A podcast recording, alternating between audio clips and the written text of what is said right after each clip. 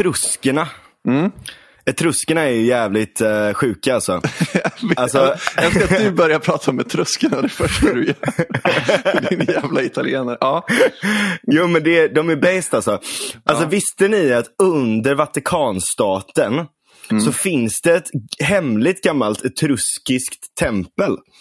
Mhm.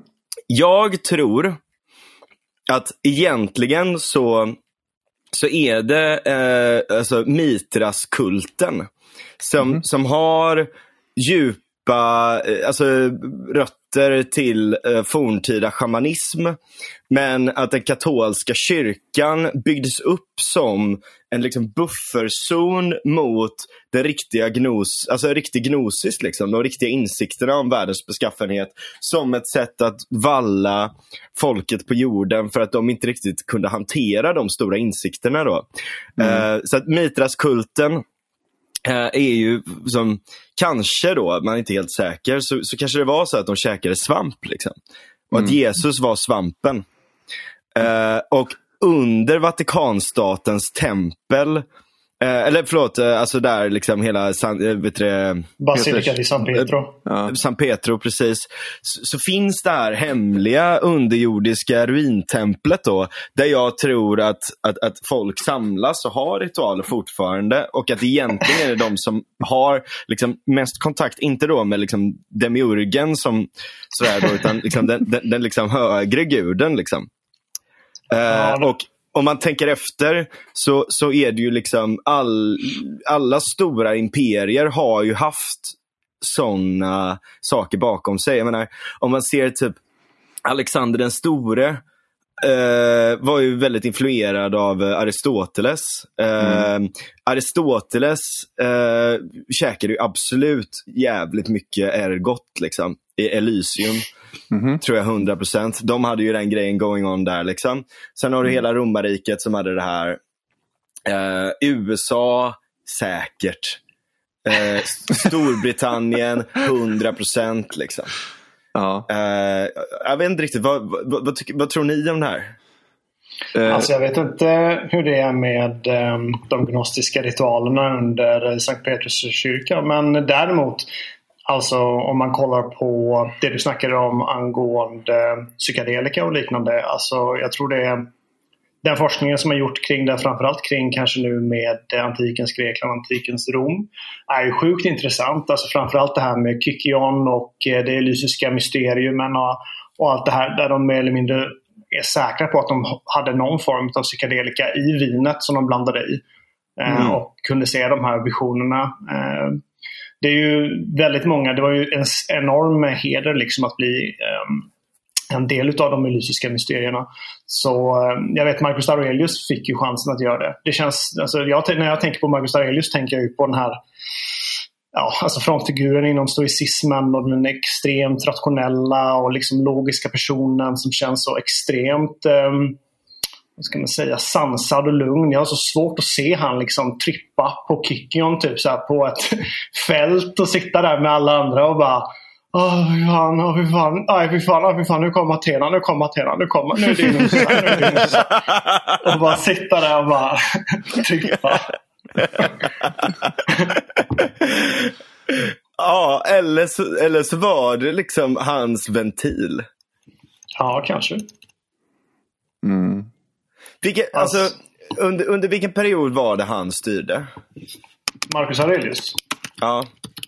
Ehm, Det är ju perioden. Det, är ju, det här borde man ju kunna för det är ganska enkelt vet jag. Ehm, Jag kollar upp det nu bara. Det är ett, ett, 21, han föddes 121 efter Kristus, dog 180 efter Kristus. Mm. Eh, Och regerade från 16, nej vänta här nu, från eh, den 7 mars 161 till då 180.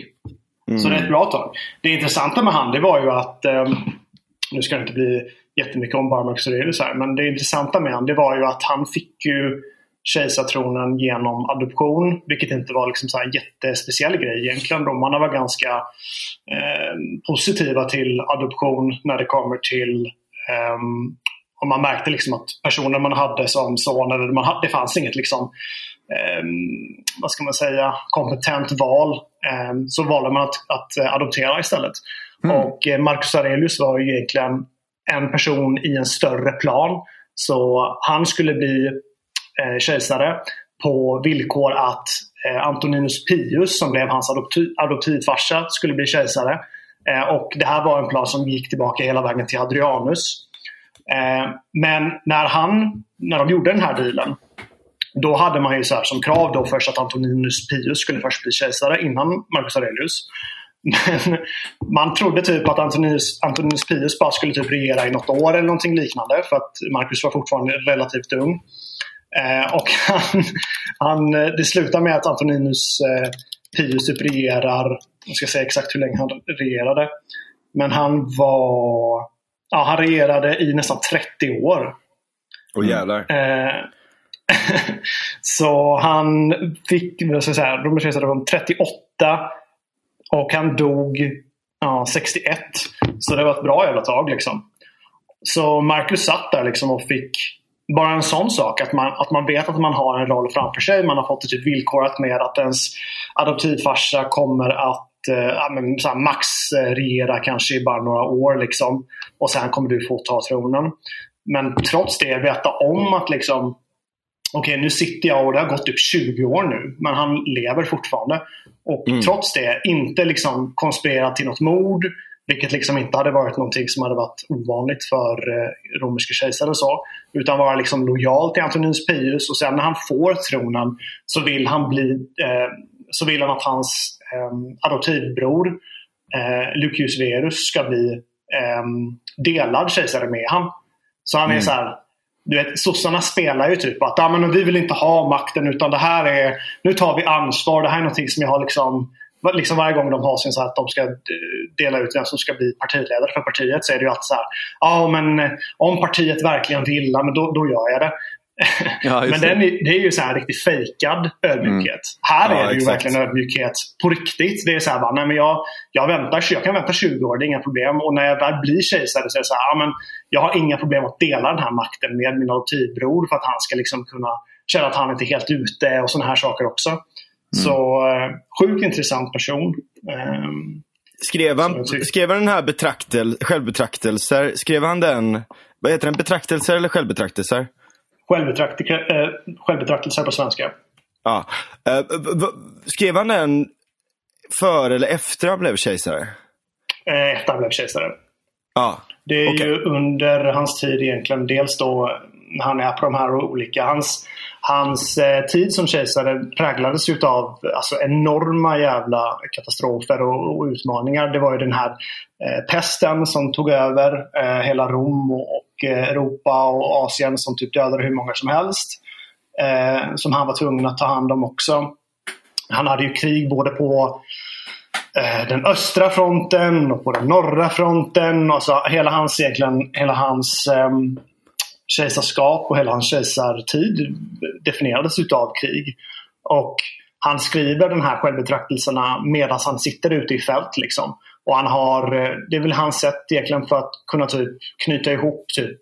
Om man läser det så är det väldigt tydligt att det känns som att han typ har han sitter verkligen i sitt tält liksom, efter en lång dag och är sjukt, sjukt irriterad. Och Sen försöker han liksom lugna sig själv genom att eh, skriva ner de här maximerna typ och att, att eh, förstå att okej, okay, i det stora hela så är det här min roll och att jag måste vara liksom lojal, lojal till min roll. Och jag kan inte liksom, det, finns in, det finns inte alternativ att jag måste att jag kan sitta här och, och börja gråta eller typ eh, bli arg eller liknande.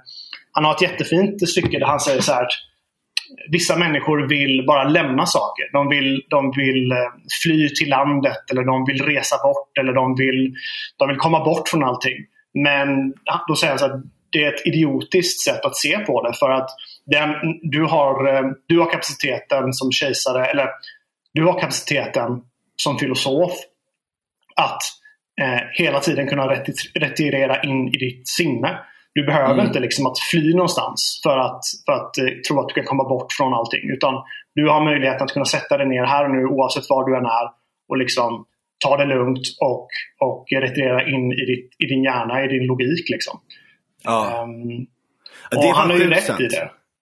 Han har ju rätt i det. Alltså, väldigt många tror typ att, bara, att om, om jag bara får göra det här, om jag bara får åka bort, om jag bara får lämna allting så kommer allting vara lugnt. Men för väldigt många så löser inte det saken. De sitter ju typ och är, är, är oroliga över saken fast de gör det bara på beachen i Mallorca. Typ. Det är ingen mm. skillnad egentligen. De, de är Precis. bara oroliga fast de är på en annan geografisk plats. Ja, och de kanske, inte, de kanske tror att de inte tänker på det, men, men liksom i det undermedvetna så, så håller det på och körs tusen olika processer samtidigt. Liksom. Mm. Alltså, det är, som, det, är som, att du har eh, massa program på på datorn liksom, och undrar varför den går långsamt. Ja, exakt. Han, eh, Seneca har en sjukt bra eh, eh, passage kring det i eh, Livets korthet. Där han pratar om just de här personerna som är så att, ja, men, om jag bara liksom, om jag bara gör detta nu, om jag bara har, får det här avklarat, då kan jag sen börja ta det lugnt och jag kan liksom göra de här sakerna. Mm. Och han säger att den där tiden kommer aldrig. Och så börjar han prata om Augustus, hur han Liksom, hur han som hade all den här makten, han liksom hade makten över liv och död för människor. Alltså, eh, total makt verkligen. Hur han endast drömde om dagen då han kunde lägga allting det åt sidan och ta pension. Mm. Men liksom det här, nu ska jag bara göra detta och sen ta det lugnt. Det kommer aldrig för de här personerna. Och Augustus dog ju liksom. Det, det fanns ju inte en, en chans att Augustus bara kunde lägga tillbaka allting och bara säga att Nej, men jag skiter i det här nu. Nu drar jag till, min, till mitt lilla eh, liksom, eh, sommarstuga ute, ute på vischan. Det finns ju inte. Utan man kommer aldrig dit och när Augustus dör så är det liksom så här, det mest, eh, hans testamente är det mest förberedda testamentet någonsin. Det är så här, en hel uppställning på vad som ska göras. Vilka roller som ska delas ut, hur det ska fördelas ut, vem som ska få vad. Eh, vilka saker som behöver göras. Alltså det är typ som den största genomgången kring alltså, vad folk ska göra efter han är död. Att han var så rädd liksom att det här som han har förvaltat ska bara du vet, slösas bort. Så att han ja. bara, nej men det, det, det, ska inte, det ska inte slösas bort. Kolla bara, följ den här jävla liksom, lathunden jag har gjort nu så kommer det lösa sig. Mm. Och liksom, Till och med efter hans död så kunde han inte släppa det. För att han var så investerad i det. Liksom. Mm. Mm. Ja, det är, det är jävligt sjukt det där när en person smälter samman så mycket med sin roll. Ja, på något ja. sätt. Och, och, nästan blir alltså nästan blir ett med det. Det, det går ja. inte längre att urskilja individen i det utan individen har blivit upphöjd till kejsare på riktigt. Ja, det är ingen LARP liksom. Utan det han är, när han säger liksom att när han kommer in och säger liksom att jag är lagen, jag är staten, du kan inte gå emot detta. Då är han verkligen lagen. Det, han, det mm. han säger, det är lagen. Det finns inget liksom nedskrivet eller någonting. Eller, det kan vara det, absolut. Typ, senatorn de trodde ju verkligen att de hade makt. Eh, Augustus var ju sjukt duktig på att få dem att tro att de hade makt. Genom att liksom smickra dem eller ge dem lite så här, vet, hedersuppdrag och såna här saker. Men i slutändan hade de ingen makt. Det är liksom, Augustus har all den här makten. Eh, och det blir ju väldigt, väldigt tydligt eh, efter Augustus dör och hans eh, adoptivson eh, Tiberius tar över.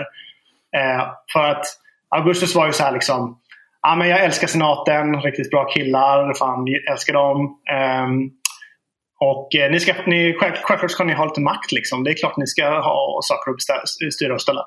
Och så kommer Tiberius och han är så här bara, Han tar det på verkligen allvar och bara liksom Ja men självklart ska senaten styra. Nu drar jag till min villa eh, på Capri och bara chillar. Jag skiter i dem. Ni, ni får styra och ställa.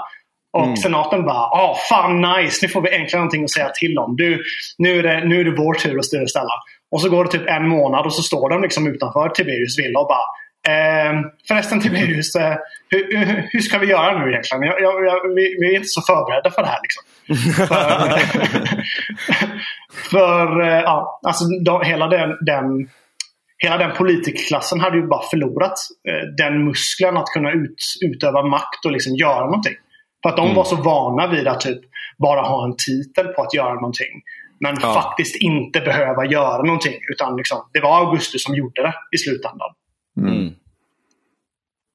mm. Det där är jävligt intressant. Det är, eh, just, just det där också med, med, med muskeln där. att Man märker ju det under perioder, alltså om vi drar referens till idag, så där, under perioder där det har varit högkonjunktur, allting gått bra, det har inte varit något krig, det har inte varit någon kris eller något sånt överhuvudtaget. Mm. Så förloras ju den muskeln och politikerna blir egentligen bara någon form av cheerleaders för eh, titta vad bra det är att vi alla får, får vara med i demokratin här. Jo, eh, exakt. Och sen när det väl blir tufft så, så, märker man ju att, att kompetensen finns ju faktiskt inte riktigt Nej, där. verkligen.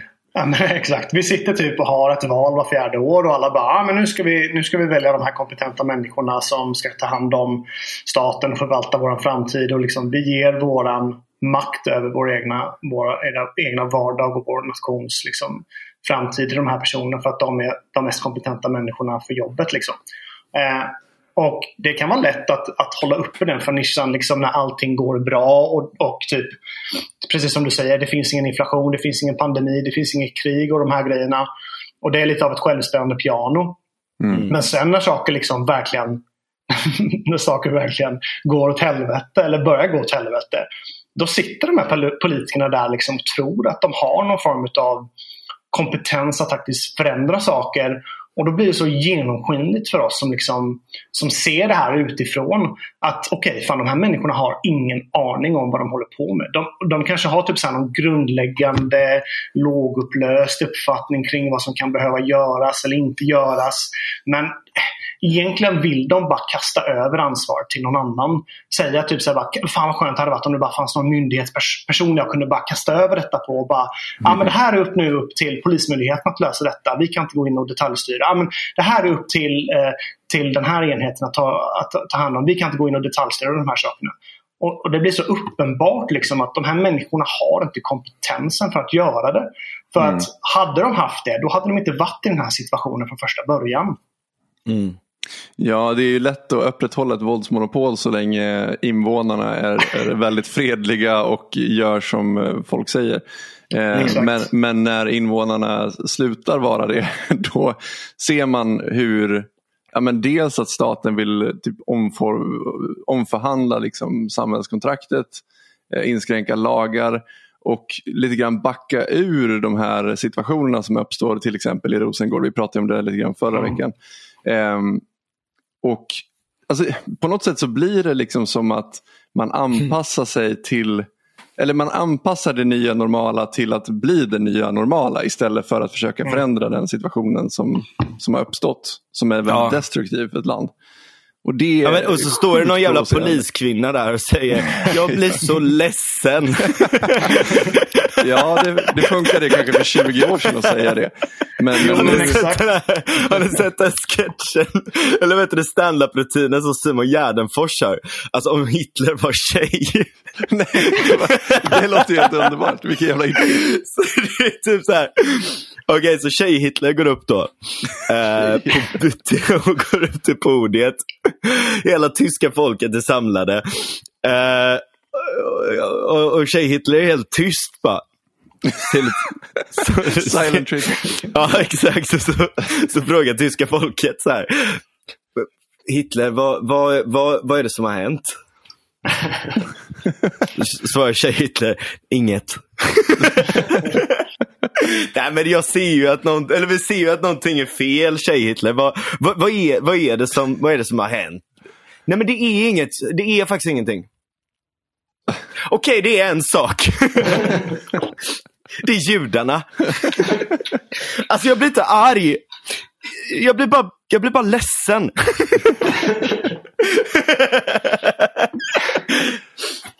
Men, men, men, det hade ju nog varit liksom ganska effektivt för, för, på svenskar tror jag. Ja, ja, Det hade funkat på något vis. Bättre än en Hitler, en mans-Hitler så hade svenskar köpt det eh, tillvägagångssättet med tror jag. ja, har, ni, har, ni lö, har ni läst eh, Det blinda Sverige av eh, Roland uh, Huntford? Heter han Nej. Nej. Det, den måste ni läsa fram. Det är en sjukt bra insikt kring varför Sverige liksom, hur Sverige kunde fungera så som det fungerade när det var alltså så homogent som det var. Den gavs ut 1971. Mm. Eh, han var en, eh, han, här, jag tror han fortfarande lever. Han, eh, brittisk journalist i alla fall. Och kom över och mycket av de Um, det som står i boken är liksom från hans konversationer med uh, ganska högt uppsatta svenska politiker och liksom statstjänstemän och sådana här saker kring hur de ser på um, ja, den svenska liksom, tillståndet och så. Det, på engelska heter den The New Totalitarians, vilket jag tycker är en ganska en bättre titel än Det blinda Sverige.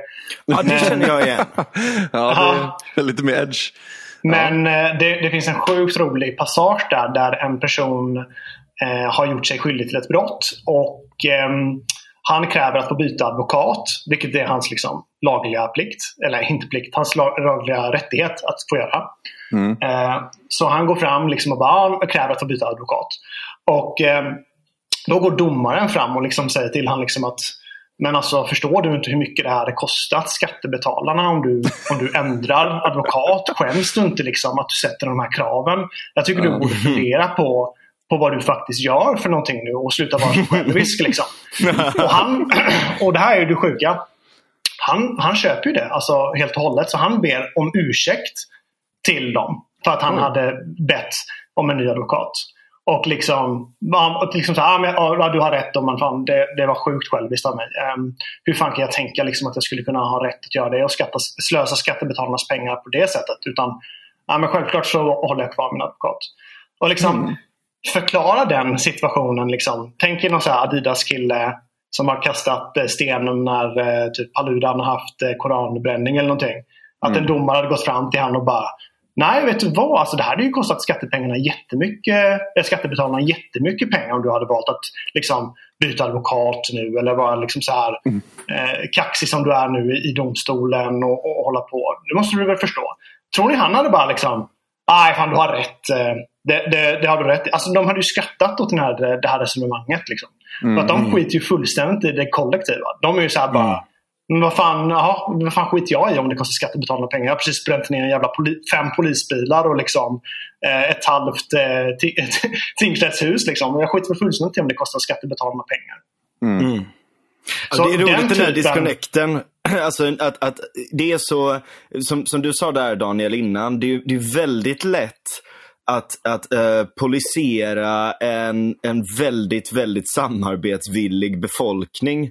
Mm. Uh, och och, och vad, vad som händer då, det blir ju den här anarkotyranniska uh, liksom paradoxen då att just på grund av det så blir det de som blir, liksom, de som blir polisade blir ju de som faktiskt går med på spelreglerna i det.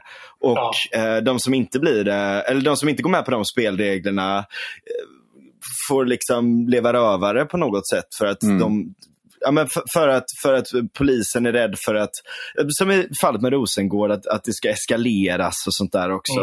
Mm. Mm.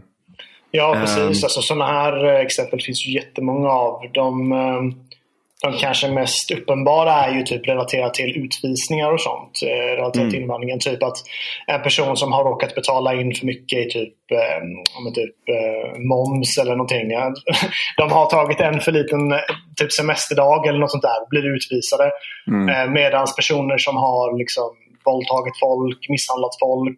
De utvisas inte eftersom att de vägrar liksom att att, mm. eh, att complya med, med de, ja. med de Eller länderna de kommer eh, ja, från exakt. vill inte göra det eller sådär. Eller vill liksom. inte ta emot dem eller vad som helst. Vilket blir typ ja. att vi bara kan implementera lagen i fallen då personer som faktiskt blir dömd är relativt liksom, upp, har en relativt god uppfattning kring rätt och fel, vad som ska göras och de här sakerna.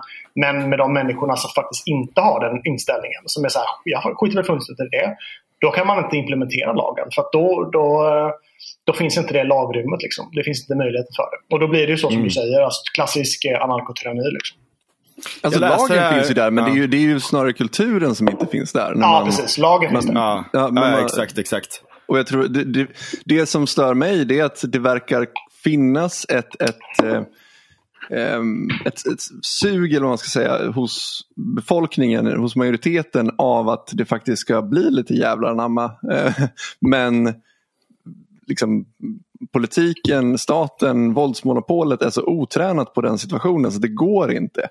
Och, mm, ja. jag menar, Moderaterna är väl de som liksom spänner musklerna hårdast. Det gjorde i alla fall det för ett år sedan, eh, lite drygt. Eh, och jag tror många köpte det, att ja, men det är bra, de, de vill i alla fall få ordning på lite saker och ting. Men sen när de väl sitter där så ser man att ja, snacka går ju liksom, men det är, när det väl kommer till kritan då vill de se över ordningslagen och lite allt möjligt liksom, istället för Exakt. att faktiskt ta tag i mm. problemet på riktigt. Precis, Exakt. om vi bara ger eftergifter till att, uh, att man inte ska bränna koraner, då kommer, då kommer det funka. Då kommer de lugna sig. Mm. Ja, det är så idiotiskt så det är helt sjukt. Ja, men, vad, vad, vad, gör vi när det inte funkar? Då? Vilka, vilka ja, liksom, rättigheter ska vi då? Ju inte, de tänker inte liksom längre än typ eh, vad de kan pissa. Det är ju det som är själva grejen. Och de, och de, det här är ju inte bara Moderaterna skulle jag säga. Sossarna är ju minst lika dumma i huvudet när det kommer till de här sakerna också. Ja, de är men, ännu värre. Ja, ännu värre ja. Men sen så, för de vill ju att det ska, eller alltså oavsett om, det, om de skulle argumentera för att det hamnar inom hets mot folkgrupp eller om det ska vara inom ordningslagen. Det är så här, jag skit fullständigt i det. Det är så här, pest eller kolera egentligen. Du ska inte röra vår jävla yttrandefrihet. Svårare så ska det inte, alltså ska det inte vara. Och det är ju därför jag vill ha en, en statsminister som snarare i så fall hade sagt jag skiter fullständigt i vad svenska medborgare gör med deras grundlagsstiftade rätt att, att yttra sig eller demonstrera eller, tänka, eh, eller att, vad de tänker för någonting. Det är helt upp till dem. Det är inte min roll som statsminister att säga till dem vad de ska göra och inte göra med deras grundlagsstiftade rättigheter. Och om mm. du har något problem med det, då kan du dra åt helvete Erdogan eller vem fan ni är. För att vi vill inte leva så som ni gör i alla jävla skithålsländer. Så, mm. tack! Mm. Och så är det klart. Ja. ja. Det, alltså, det, är inte så jävla svårt egentligen. Alltså någonstans så känner man ju så här, vad fan svenska folket borde ju känna, vad, vad i helvete är det här? Alltså det är lite grann som att jag skulle ha en, en butik och och, och liksom anlita Securitas att, att sköta, liksom, ja, men se till så att när jag inte har butiken öppen att det inte blir något inbrott eller något sånt där. Och så märker de att så här, fan, det börjar bli lite inbrott och då ringer de och säger att så här, alltså, vi har lite svårt att gå in nu, alltså. vi vill gärna omförhandla avtalet med dig. Liksom. Ja, då skulle jag ju bara ja, säga, fuck dem. Jag, exakt. Eller typ att så här, ja, det här området börjar balla ur. Det börjar bli liksom kravaller och skit så att vi kan inte skydda din butik längre. Så det är ja. bättre att du flyttar din butik för att det blir väldigt jobbigt för oss och det kan eskalera situationen om vi skulle mm. behöva liksom. Då skulle ja. jag bara, fuck er, jag vill ha ja. ett nytt eh, Eller så gör man som, eh, som i Kalifornien, att man bara avkriminaliserar stöld upp till 950 dollar. det är så jävla sjukt alltså. Ja, är... har, ni sett, eh, har ni sett det nu som hände i Peckham i, eh, i Storbritannien eller? Nej. Nej, vadå? Alltså det är ju också bara helt jävla CP-stört. Det är någon svart kvinna som hade gått in typ och skulle reklamera jo, det såg jag. Som var, ja, som var helt felaktigt och ägaren typ bara hade, nej men alltså det förstår du väl själv, du kan inte reklamera detta. Och då hade hon fått något jävla spel och typ börjat, börjat försöka sno massa saker typ som kompensation och, mm. gå, och försöka liksom, gå ut därifrån. Och då hade han väl st liksom ställt sig för dörren och bara Hallå, du kan inte bara sno grejer. Alltså, det fattar du väl själv. och eh, då hade hon börjat skrika du vet, och börjat bli våldsam. Putta på han Och tog upp någon jävla så här, du vet, eh, eh, inte så här, vad heter det? Eh, mat, korg typ som man sätter varor, varor i. Ja, just det. Ja. Ja, och bara slog han i ansiktet och så. Och då flippar han ju typ. Så han börjar ju ta tag i hennes typ nacke. Eller alltså typ, han tar typ stryptag på henne i typ två sekunder. Och sen släpper för att han fattar liksom okej okay, det här är kanske lite olämpligt. Eh, och då får ju hon liksom spelet. Och alla börjar filma och hon börjar skrika. Hon tar upp något jävla typ bälte och börjar så piska han och såna här saker. Och bara ring polisen, ring polisen. Um, och sen nu har de, ja, Black Lives Matter har ju tagit över typ den här affären helt och du vet bara saboterat allting. Eh, står utanför och hotar butiksägaren. Eh, alltså typ eh, vandaliserat hela butiken. Så han är typ livrädd att bara ens få öppna sin butik igen. Och det här är ju mm. typ någon så här Typ någon mellanösternkille som har, som, som har det här. Så, och de försöker få det här till någon så här white supremacy-grej. Men han är ju någon så här, eh, ja, typ mellanösternsnubbe. När man kollar på honom så är det verkligen väldigt tydligt att han är från typ, jag vet inte, Irak eller någonting liknande. Mm. Eh, ja, Men vad var det den här, det var någon sån artikel som skrevs nyligen. Liksom, och det var, det var så genial titel, jag kommer inte ihåg. Men typ så här, alltså det, det, det, det multi, eller liksom, du vet så här, det, ja men typ om, om att liksom för att allting ska kallas white supremacy för att det är, liksom, det, det är deras satan. liksom. Uh, och så, så det, det, var så här typ, ja men att, att det var så, uh, the diversity of white nationalism, eller du vet något sånt där jävla ah, absurt då. Att det skulle vara så här, asiater och, och folk från mellanöstern och liksom allt möjligt då. Så skulle, ja, och, och, mexikaner. Alltså, exakt. Men, men, de argumenterar ju för att just typ white, white supremacy är en typ färgblind rörelse. Typ. Att det kan finnas överallt. Det spelar ingen roll liksom, om du är ja. Vilket är en fet jävla L egentligen. Vi väljer att inte se ras, vi ser bara till individen och allt sånt där. Men vadå, fattar ni inte att det innebär white supremacy? Ja. Men det roliga är typ så här. De, de, de, har ju haft så här, det finns ju en sån, det finns ju en sån typ um, lista på saker som är white supremacy och där har man typ skrivit upp att komma i tid är eh, white supremacy. och då sitter jag och tänker på att i Grekland och Italien och sånt, fan, de är inte bra på att komma i tid. Alltså. De Nej. kan inte vara en del av det. De är riktiga antirasistiska kämpar där nere. Alltså. Ja, verkligen. Jag med. Min farsa är största etnorasist. Det är mitt italienska blod. Ja, ja. Både jag och min farsa är dåliga på att komma i tid. Men alltså, alltså det är helt på. Alltså, greker är på en annan nivå. Alltså. Det är helt sinnessjukt. Men alltså, vart, man, man, vill ju veta hur resonemanget går. Alltså för att det låter ju helt jävla sjukt. Liksom. Men vad, vad, vad, vad är det i att komma i tid? Som är så... Se hur de resonerar, man kan hitta någonting. Ja. Var det inte italienarna som uppfann tiden? Ja, exakt. ja, men på riktigt. Det var ju den julianska kalendern. Jaha, du tänker så ja. Ja, mm. ja Julius Caesar. Läser biffen. På tal om imperier och det. Mm, ta, vem är den första som, vem, vilka är de första som, uh, som, som hittar på tid? Alltså liksom som, som, så här, som börjar mäta den på riktigt? Alltså, Spengler, Spengler pratar ju ofta om att, att den, den, gotiska civilisationen eller den faustiska civilisationen är de som börjar ta det på allvar. Liksom. Det står det... Egypten och Mesopotamien ja, just 3500 före Kristus. Såklart, såklart. Ja, ja, ja. Alltså, där är ju hela den här grejen med, med liksom Sfinxen då också. Nu behöver vi gå in i Graham Hancock uh, territorium här. Nej, men för att det finns ju den här grejen då. De höll på med astrologi så att då kunde de börja och liksom, ja men månen går så här och solen går så här och stjärnorna går så här. Så de hade ju någon form av grej runt det där. Så att sfinxen ska då ha, liksom, han har ju en teori att sfinxen byggdes för 12 500 år sedan eller något sånt där. Mm -hmm. eh, eller mer, typ 20 000 år sedan kanske till och med, eh, tror jag. Oj. Uh, för att då, så här, nummer ett, det, då, det finns regnerosion på den. Uh, och nummer två, vid, det här, eh, vid den här tiden då så ska lejonet som, som astrologisk konstellation då ha gått upp precis ovanför den. Mm. Ja, just det. Det, det känns ju inte ju... helt orimligt faktiskt. Nej, för fan vilken tidsålder eller vad man säger är det nu? Är det Vattumannen? Är det Age oh. of Aquarius nu? ja, jag tror det. The year of the rat, var inte det? ja, men det är ju Kina. De det är Kina, ja, men, men Age of Aquarius och innan var det, vad fan, jag kan inte, jag är för dålig på astrologi. Men... Ja, det är inte, det är inte min starkaste sida heller om jag ska vara ärlig. Mm. Här står det, Are we in the age of Aquarius 2023? A great age, as mentioned above, is associated with the position of the Mar March equinox. In 2023, the location of the sun on the March equinox is in the constellation of Pisces, uh, oh. but also on the border of Aquarius. we are slowly moving into a new age from Pisces to Aquarius. Ja, just det, det går baklänges okay. ja. Så är det. Aha. Går det är lite konstigt. Jag fattar Ja, för att, för att om man tänker på ett år så kommer ju alltid fisken efter, eller fiskarna är det väl, fisken.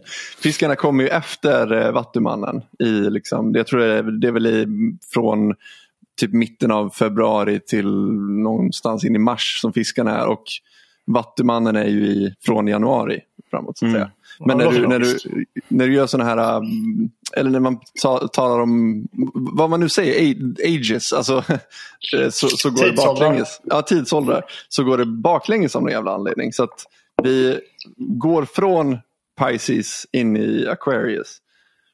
Eh, Av, Mm. Jag fattar inte riktigt hur det funkar eh, så. Men, Mm, det måste vara en brud som kommit på det här. Det är 100 procent en brud som inte Men, men det är någon som sitter där med sina typ stenar och de här grejerna och bara "Ah, har känsla på att det går bakåt faktiskt. Men, men eh, vad var jag skulle säga? Just det, angående tid och så. Det är ju intressant att se hur vi mäter tid, alltså utifrån var vi mäter tid ifrån. Eh, antikens greker mätte det ju utifrån eh, olympiader. Så typ ja, sen, sen det senaste eh, olympiska spelet har varit. Så de typ kallade det för eh, 153, eh, nej typ så här. Den tredje, det tredje året i den 155 olympiaden typ. Eh, sa de att det var. Medan romarna mätte ju utifrån eh, konsuler. Så typ det var detta året där Ma- Julius Caesar var, eh, hade varit konsul eller någonting liknande. Så, och vi nu eh, mäter ju utifrån eh, Jesus eh, födelse. Eh, Så det, det är intressant så att det viktigaste, alltså man kan ju tänka sig att det är det viktigaste liksom man, man mäter sin tid utifrån hur det var det senaste.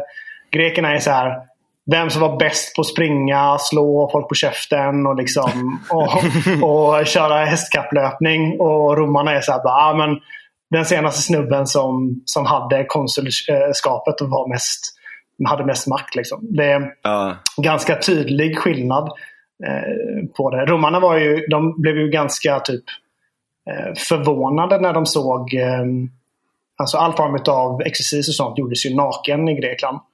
Ja. Eh, Och romarna blev ganska eh, chockade när de såg det. Alltså de, de förstod inte. De hade väldigt svårt det här med, med eh, grekiska skulpturer också. Det är därför oftast du ser, typ, om du kollar grekiska skulpturer så är de ju oftast nakna. Eh, Medan romerska sk- skulpturer kommer du inte hitta så mycket nakenhet på. Alltså typ en kejsare skulle de ju aldrig avmåla liksom, naken. Alltså det hade ju Nej. aldrig kommit på, på tal. Liksom. Medan de grekiska gudarna, eller oavsett vem det var, Herkules eller eh, oavsett vilken figur de hade så var de ju oftast nakna i sin, i sin avbildning. Och det är oftast för att man ska kunna se liksom, deras, deras gudomliga attributer och deras aristokratiska dragningar liksom, i deras fysionomi. Och eh, det här, det här satt ju också på extrem eh, konflikt när grekerna sen erövrade Israel och, och Mellanöstern och eh, de judiska stammarna och så. För att inom den abrahamitiska religionen och, eh, och kristendomen och eh, judendomen framförallt så ses ju nakenhet som någonting väldigt skamfullt. Alltså det är ju någonting, ett tecken på att du kanske är fattig eller att du kroppen ses ju på ett helt annat sätt eh, än vad den görs i, eh, i antikens Grekland. Så när de liksom såg grekerna träna och sånt utanför deras tempel helt nakna, liksom insmorna i olivolja. Så var det ju liksom som att Alltså det här måste ju varit, alltså jag kan bara tänka mig typ att vara jude på den tiden och sitta och tänka att liksom allting du har fått eh, lärt dig är att kroppen är liksom syndfull och att nakenhet är någonting som man inte ska liksom omfamna och att sex är någonting som är är liksom väldigt eh, restriktivt och det, det, det ska inte ske på, på sådana saker och sexualisering av kroppen är väldigt fel. Och så bara kommer typ 50 stycken nakna greker bara ställer sig utanför och börjar köra armhävningar utanför ditt vet, så här, mest, mest heliga tempel och bara börjar, börjar så här, vet, smo in sig i olivolja och du bara vet att typ så här, okej nu är det 800 år vi har framför oss av detta. Vilken underbar kulturkrock alltså. Ja, exakt. ja, verkligen. Så ängsligt också. Vad gör de? exakt. Alltså jag kan bara 10 000. tänka mig den jävla kulturkrocken alltså. Det är lite den här 10 äh, 000 tyska bögar fast det kommer liksom... Ja, ja. Fast nu är det på riktigt här. Nu är det, det är ingen mem liksom. Vi står här och typ om du tycker att, äh, att, äh, att det här är bögigt så kommer vi kalla dig för bög. Typ. Va? Vadå? Du är ju du som inte kan springa kommer snabbt. Kommer vi slå dig på käften bara. Exakt va. Det är ju du som inte kan springa snabbt eller typ brottas eller, eller Ja, det är du som inte kan Det är ju du som är bögen. Exakt. Hålla Sådana in dig naken och brottas med andra män. Liksom. Exakt. Det, är, det är höjden av maskulinitet. Ja. Exakt. Ja, precis. Verkligen. Verkligen. Det, alltså det, och, alltså, jag tror inte folk fattar typ hur högt, eh, högt värdesatt just det här med atletisk eh, kapacitet var i antikens Grekland. Alltså, vi har typ en upp, uppfattning typ att ja, men visst, liksom, fotbollsspelare och sånt de är ju eh, har hög status och sånt i, i vår modern tid. Men alltså, det här är på en helt annan nivå när det kommer till antikens Grekland. Alltså när man lär sig, typ, lär sig Odysseen till exempel och eh, Odysse- Odysseus är, eh, har blivit strandsatt på den här ön hos kung Alcenius och allt det här. Och eh, han sitter och är lite liksom ledsen över allting som har hänt och hur det gick med cyklopen och, och eh, Kirki och allt det här. Och eh, då vill den här kungen ha någon form av eh, Han vill skapa något minne för Odysseus så att han har någonting att komma ihåg dessa personer ifrån. Som han har kommit till. Och då gör de, de eh, kör massa tävlingar. Så de springer, de kör eh, boxning, de kör eh, brottning och liknande. Och eh, Odysseus först vill inte vara med för att han är lite ledsen och så. Och då kommer en av de bästa atleterna fram till honom och säger liksom så här, förnedrar han typ att men vad är du för man som inte, som inte vill vara med oss och eh, tävla i detta och att eh, liksom han Oavsett, trots att han liksom ser ut som en atlet, Odysseus, han har väldigt bred, eh, breda axlar och eh, stor eh, hals och, och vader och allt det här. Så är det liksom så helt on, onödiga grejer för att han, han nyttjar dem ju inte. Han liksom bara han är, han är meningslös. Det är liksom den, den största förolämpningen någonsin att liksom säga att du inte är atletisk. Och Odysseus blir så lack på det så att han liksom skiter i allting som har hänt innan och bara ställer upp i, i eh, liksom sprinten och i boxningen och bara spöar skiten ur alla. Och bara liksom säger så att till den här killen då att eh, gudarna välsignar vissa kanske med, med eh, fin fysik och du har ju fått det men de välsignar inte alla i, i att få ett stort intellekt. Och där har du liksom fått noll och ingenting. Och bara liksom verkligen krossar alla. Så Ja, alltså det är på en helt Visst. annan nivå. Det, det är på en helt annan nivå när det kommer till det. Är du inte en atlet, då är du mer eller mindre en slav. Typ. Och det var ju därför slavar inte fick eh, träna i eh, deras gym. Gumnos är ju det grekiska ordet. Det är det vi får gym ifrån, vilket betyder eh, naken. Alltså att du, är, du inte har någonting på dig. Hmm. Men vadå, varför fick, alltså det, det fattar inte jag riktigt. Varför fick inte slavarna göra det liksom? Eh, Hade inte alltså- det varit bra? Eh, kanske, men det, ses, det sågs ju som en väldigt aristokratisk eh, syssla att liksom få kunna Ja. ta hand om sin kropp. Och att, dels att du har tiden att kunna göra det. Alltså, Ja. Om du är slav, du har inte tid liksom att stå och köra chins. Typ, utan du ska ju Nej. ut och, du ska ut och, ja, eh, du ska ut och liksom jobba på fältet eller eh, ja, göra det saker som slavar gör. Och då sågs det liksom som ett exklusivt aristokratiskt sak att göra. Att, att träna din kropp och att, att ehm, dels, men det är inte bara, det är inte liksom ett, det är inte endast ett ytligt ehm, en ytlig grej att bara, "Ja, jag ska ha sexpack och så. Utan syftet är ju att du ska kunna vara en god medborgare sen när, ditt, när din stadsstat går ut i krig. Och att du ska kunna göra din plikt. Liksom. Att du inte är den personen som håller nere de andra eller typ är den svaga länken. Utan att du är den personen som är till 100% redo för de sakerna som krävs för, för dig som medborgare. Det finns inte det här du vet att Nej, men jag skiter i detta nu för att, eh, för att jag pallar inte. Nej men vadå pallar inte? Det, det finns inget palla i det här. Utan du har din skyldighet. Om du ska ha de här rättigheterna så har du din skyldighet också att försvara dem. Och försvara alla andra. Och om du inte gör det, ja alltså då är det, då, då är det inte bara så att du kommer dö. Utan det kan vara ett hot mot hela staten. Liksom, hela din stadsstat. Och det är inte så här att när vi förlorar ett krig. Eller när de förlorar ett krig att liksom, det är över. Vi skriver en liten, liten fin litet avtal och sen så är det lugnt. Nej, alltså det här är ju på liv och död. Det kan vara hela familjer som sätts in i slaveri, som hela städer som bara rivs ner till marken. Som Alexander gjorde till exempel med Tyros eller med TB eller liknande.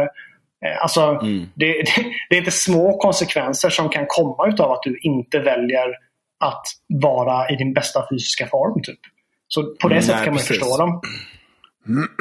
Mm. Ja, ja, verkligen, verkligen. Men det här idealet, fortsätter det in i, i romarriket eller inte då? Alltså, du sa att de ja, var förvånade också. Romarna har ju ett komplicerat eh, liksom, förhållande till antikens Grekland. Eller till mm. det, det Grekland. För att romarna på många sätt så vill de vara som antikens Grekland och, och eh, se sig själva som liksom ett, en fortsättning på den typen av kultur. Men så finns det ju också personer som var eh, Eh, väldigt kritiska mot det grekiska. Typ som de här eh, Cato den yngre och Cato den äldre till exempel. Eh, som var väldigt kritiska mot Grekland för att de såg det som en ganska feminin kultur. Alltså att de fokuserade mycket på filosofi och de fokuserade mycket på abstrakta saker och, och andra grejer än just kanske det mest det som romarna såg som de mest maskulina eh, eh attributen, typ som pliktskyldighet, att, att vara lojal eh, mot staten till exempel. Alltså grekerna hade ju de där sakerna också men men romarna har aldrig varit liksom några stora filosofer. Det är, alltså, finns ju en anledning till varför de främsta filosoferna kommer från antikens Grekland och kanske inte så mycket från eh, antikens Rom. Men sen är det också så att det är ju onekligen så att antikens Grekland influerar romarriket på sätt som är helt eh, det går inte ens att mäta liksom, så, så mycket som de gör det. Liksom, grekiska är det språket som den aristokratiska klassen pratar. Du pratar inte latin. Om du ska skriva någonting så skriver du det på grekiska. Du skriver inte det på latin. Eh, Marcus Aurelius självbetraktelse till exempel är skriven på grekiska. Jaha, eh, oj, inte på latin. Ja, exakt. Mm. Så, och när, eh, typ, väldigt många tror ju att Julius Caesar säger eh, et tu brute när han blir eh, mördad.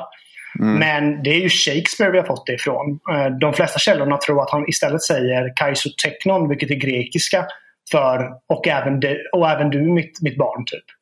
Eh, så mm, när, liksom, när han är i sina sista, liksom, hans sista andetag som han tar så är det ganska naturligt att liksom, använda det språket som är närmast till dig. Det som du känner dig mm. mest bekväm i.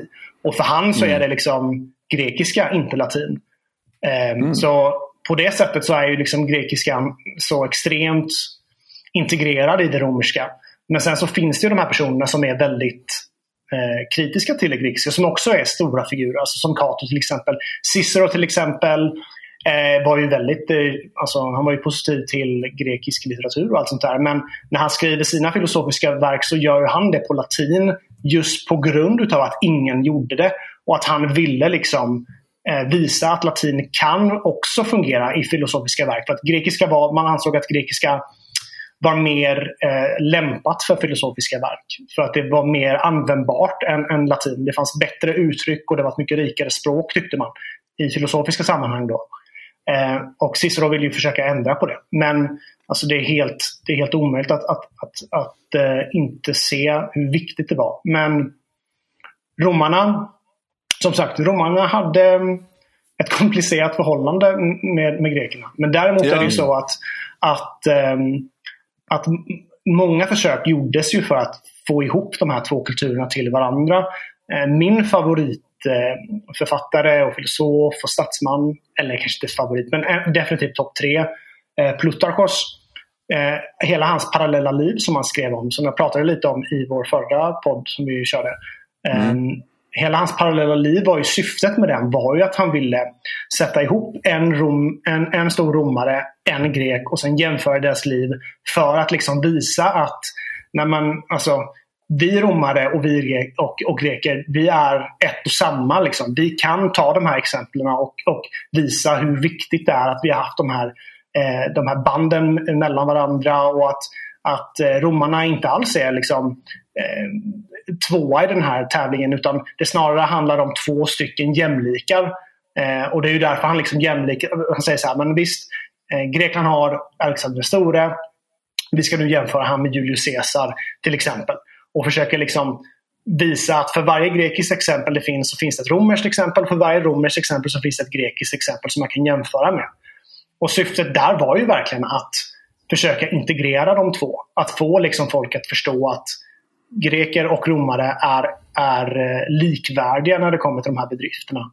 Eh, och jag mm. rekommenderar verkligen alla att, eh, som är intresserade av antiken att läsa Parallella liv. För att den är så sjukt bra eh, konstruerad på det sättet att det är inte liksom historia på det sättet som du lär sig. Typ, eh, ja, men han föddes detta året, sen hände detta och sen dog han. Utan han går mycket mer in på djupet på personernas personligheter, varför de gjorde sådana här saker, eh, saker de har sagt vad det, och vad de sakerna de har sagt säger om deras personligheter, vad du som person kan ta utifrån detta. Hans syfte var alltid att liksom, du ska inte bara lära dig liksom, historia för att lära dig utan du ska lära dig för att du ska själv kunna dra nytta av det och dra lärdom av det. Mm. Um, så läs Plutarkos och sen uh, så kommer vi lösa det här grabbar. Men hur... Eh, Nej, men jag, jag, tänker på en skillnad som du har tagit upp tidigare. Det var ju det här med kläder. Um, mm. Och hur såg man på det? Och sen även det här med typ jag tänker på, när vi pratade om Marcus Aurelius tidigare så tänker man ju på Gladiator, den filmen. Ja, men den, alltså, och, men, och där var det ju liksom slavar som jag förstår som, som var atleterna i, i romarriket på ett sätt. Medan mm. det absolut inte var så säger, då, säger du i, i antikens Grekland. Men vad, alltså, för det, det, finns ju vissa skillnader där. Absolut, vad... absolut. Alltså romarna, sen, romarna deltog ju sen också lite senare i de olympiska spelen också. Men det var inte på samma nivå liksom. För, för romarna var ju typ Sparta till exempel eh, ett väldigt typ mytiskt och exotiskt exempel som de typ åkte till på turist, som en turistattraktion. Liksom. För att se de här eh, personerna som typ kung Leonidas grav och Menelaus och allt det här. Och de såg det mer som, som en, vad ska man säga, som ett, som ett exotiskt turistmål typ. Och eh, spartanerna eh, på den tiden, alltså eh, förstod det och de överdrev väldigt, väldigt mycket saker. För att få, alltså locka turister till Sparta från romarriket. Så de överdrev väldigt mycket av de ritualerna som spartanerna, antikens spartaner faktiskt gjorde. För att få det att se ut att de var mer vad ska man säga, våldsamma eller grova än vad de, vad de egentligen var. Eh, för att locka turister helt enkelt. Men alltså, eh, det intressanta med gladiatorer var att gladiatorer hade ju också väldigt hög status. Även om de i många fall var slavar så kunde de ha jättehög status i eh, antikens Rom. Mm. Alltså att det var ju typ det, alltså, det är väl bättre jämfört med typ fotbollsspelare. Även om fotbollsspelare inte är slavar såklart. Men själva statusen på dem är ungefär densamma. Om de, de kunde liksom inte gå liksom på stan utan att få extremt mycket uppmärksamhet och sådana här saker. Eh, och så var det ju långt ifrån alla gladiatorer som, som dog. Liksom. Det är ett ganska, hade varit ett ganska dåligt eh, yrke om typ alla dör. Deras första liksom, turnering. det är inte så mm. långsiktigt. Liksom. Så alltså, ta en sån sak som typ eh, ja, men Commodus och allt det här. Det här, det här var, så till och med kejsarna ville ju efterlikna gladiatorer. Det var ju därför de själva ibland ställde upp i gladiatorspel och sådana saker. Sen var det ju liksom högst riggat för att ingen kommer ju döda kejsaren såklart. Mm. så Commodus fick ju liksom döda folk eh, höger och vänster utan att någonting egentligen att det var något hot mot honom egentligen. Såklart. Men eh, själva den, den kändiskapen och den liksom auran som fanns bakom gladiatorspelen. Det var ju till och med någonting som kejsarna ville efterskapa. Sen var det ju liksom en enorm skandal om en kejsare gjorde det på, på, på ett annat eh, plan också eftersom att det inte är någonting en kejsare ska hålla på med egentligen. Ehm, kejsarskapet ska ju vara någonting som är så extremt upphöjt så att det står över allt sånt. Alltså ett gladiatorspel kanske är ärofyllt men det går inte att jämföra liksom med, med vad kejsaren har för någonting. Så det såg ju liksom som väldigt, um, vad ska man säga, ganska smutsigt för en kejsare att, att ställa upp i gladiatorspel. Men det var ju för att han var kejsare. Hade du inte varit mm. kejsare då hade det varit en annan sak. liksom. Är romarriket inte lite sådär, alltså lite mer managerial än vad grekerna är? Alltså man, jo, man, uppfinner, man uppfinner ett så här, dels byråkratiskt system, rule of law, uh, uh, uh, kalender, Uh, olika så här, alltså i, i princip ett stort myndighetsväsende kring alla kolonier och, och, och, och liksom allt sånt där. Mm det, det, finns ju en liten aspekt av det. Alltså, jag skulle säga att så här, kanske ett hälsosamt mått av det också. Uh, för att jag menar, så här, ja det är väl lätt liksom, om, om du har en liten stadsstat någonstans att gå runt och bara ha massa slavar och tänka och gymma. Liksom. Men, men, uh, men för ett samhälle i stort så kanske romarriket ändå var bättre i det avseendet att de faktiskt byggde ut ett vägnät och infrastruktur. Både i det mer så att säga, metafysiska och det mer konkreta. Absolut. Alltså, det finns ju en alltså, det, det, finns nog inte någon som skulle påstå att greker var bättre byråkrater än vad romarna var. Alltså, romarna var antagligen de bästa byråkraterna som någonsin har funnits när det kom till deras mm. uppbyggnad utav staten men också hur de såg på lagar och hur de ska implementeras i de olika eh, regionerna som de hade och hur de införde de här eh, lagarna och hur de upprätthåller de lagarna. Liksom, det går inte att upprätthålla ett så stort imperie om du inte har, är extremt duktiga byråkrater och har ett extremt avancerat sätt att kunna administrera allting på. Jag menar, vi pratar om ett imperium som sträcker sig utifrån flera olika kontinenter med människor som talar hur många olika språk som helst, hur många olika religioner som helst, hur många olika interna konflikter i de här regionerna som helst. Att kunna hålla allting det i styr krävs liksom en administration och en byråkrati som är helt... Alltså det är så främmande för oss idag så att det hade aldrig kunnat gå. Alltså, vi pratar mm. om enorma kapaciteter. Alltså, USA som är liksom vår stormakt nu, de kan inte liksom hålla ens kontrollen i, i ett litet skithållsland som Afghanistan typ, utan att det händer saker och att det är kaos hela tiden. Men romarna lyckades göra det, alltså visst självklart var det uppror och sånt i romerska riket också i deras historia, men, men på en helt annan långsiktighet. Alltså, vi pratar om flera liksom, tusen år. Att kunna Romarna hade ju en sak som, som amerikanerna inte hade. Det var att varje gång de erövrade en ny stad så såg de att den här staden har en specifik själ och en, en gud som representerar, eller som växer ur från den här staden i princip. Um, och, uh, och så, och så liksom lovade de den här guden när de erövrade staden att vi kommer liksom venerera, vi kommer, vi kommer, vi kommer att uh, dyrka dig tio gånger mer än vad dina invånare tidigare har gjort. Precis, och eh, just den kopplingen är väldigt intressant för att det här är någonting som är väldigt präglat också under Alexander den stores erövringar. Alexander var extremt religiös person. Eh, och han såg verkligen liksom allting det han gjorde var skrivet på förhand för honom. Det var därför han hade den enorma självförtroendet han hade. Men när han till exempel erövrade andra städer eller andra regioner så integrerade han ju deras gudar med sig själv. Så när mm, han kommer ner... Ja, exakt. Så när han kommer ner i till exempel Egypten så börjar han kalla sig för eh, sonen utav eh, Zeus Amon, som Amon var den, liksom, den egyptiska motsvarigheten. Eh, när han tar över Jerusalem till exempel så, så hyllar de han som Messias. Eh, och han ses liksom som, som en, en ny profet mer eller mindre. När han, när han tar över sen de andra stora delarna utav, av Perserriket så är det samma sak. Alltså, när han tar över Tyros till exempel som är en utav de mest intressanta belägringarna som, som han eh, gör i sin, sin resa.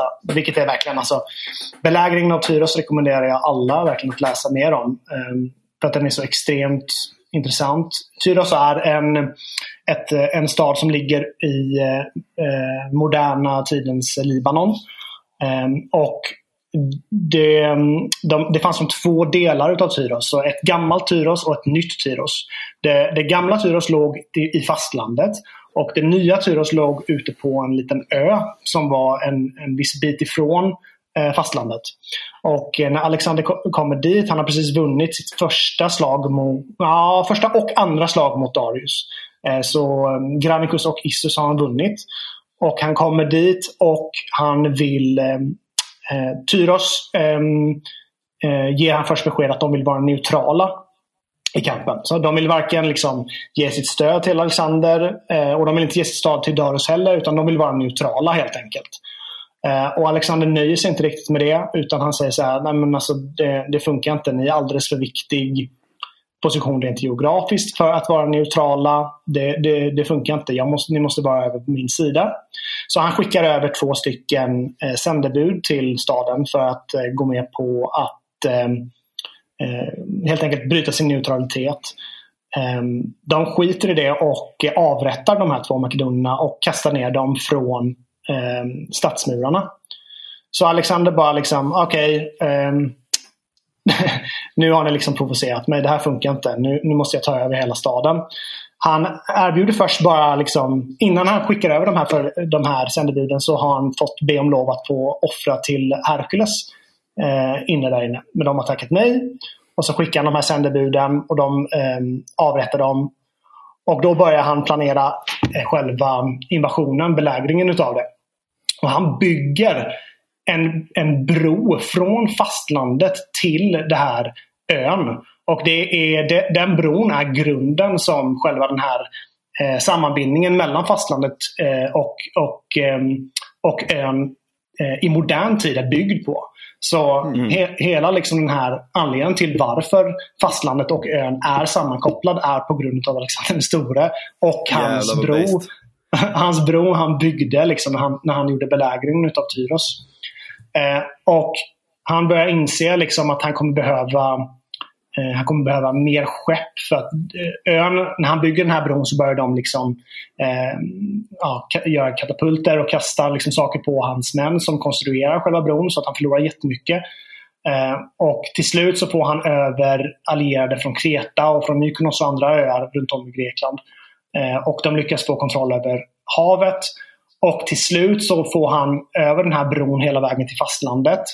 Och lyckas eh, under en natträd att bryta sig igenom de här eh, murarna. Han är en av de första som är över liksom, murarna tillsammans med sina män i den här natträden. Och han slaktar alla. Alla verkligen. Eh, och han har lovat dock på förhand. Det här är liksom ett tecken på hur religiös han var. Han har lovat alla att alla människor som, som, söker sig, som söker hjälp eller som söker skydd i tempel kommer han att, eh, att ge amnesti till. Så de kommer, vara, eh, de kommer vara skyddade. Så han slaktar alla förutom de som gömmer sig i templerna och eh, söker skydd i templerna. Och eh, tar liksom slavar. De som han inte slaktar tar han till slavar. Och han tar ehm, eh, den själva ansvariga eh, generalbefälhavaren i Tyros och kedjar han till, inte kedjar, men han binder honom till hans eh, häst och rider runt med han tills han dör eh, runt, eh, runt själva eh, befästningen som de har. För att liksom eh, emulera vad Achilles gjorde med Hector i Iliaden. Eh, skillnaden är dock att i Iliaden så är ju Hector död medan han, den här personen han gör det på i Vityros är vid liv. Så det är extremt eh, grovt och till och med personer på den tiden som var vana vid viss form av våldsamheter ansåg också att det var att Alexander gick över, eh, liksom passerade en gräns när han gjorde det. Mm. Mm. Eh, och ja, men Alexander, alltså han hade ett, ett, ett tankesätt som han fick väldigt mycket från sin pappa och det var att jag ger, alltså han gav folk chansen. Det är så här, ni kan bara liksom ge mig det här nu. Och Vi kan göra det här hur fredfullt som helst. Jag kommer inte döda någon. Jag kommer inte göra någonting överhuvudtaget. Ni kommer få väldigt, han var väldigt duktig på att ge väldigt generösa kriterier också först. Liksom när han väl bara, första gången han frågar. Men om du tackar nej till detta och framförallt om du eh, ger motstånd mot mig.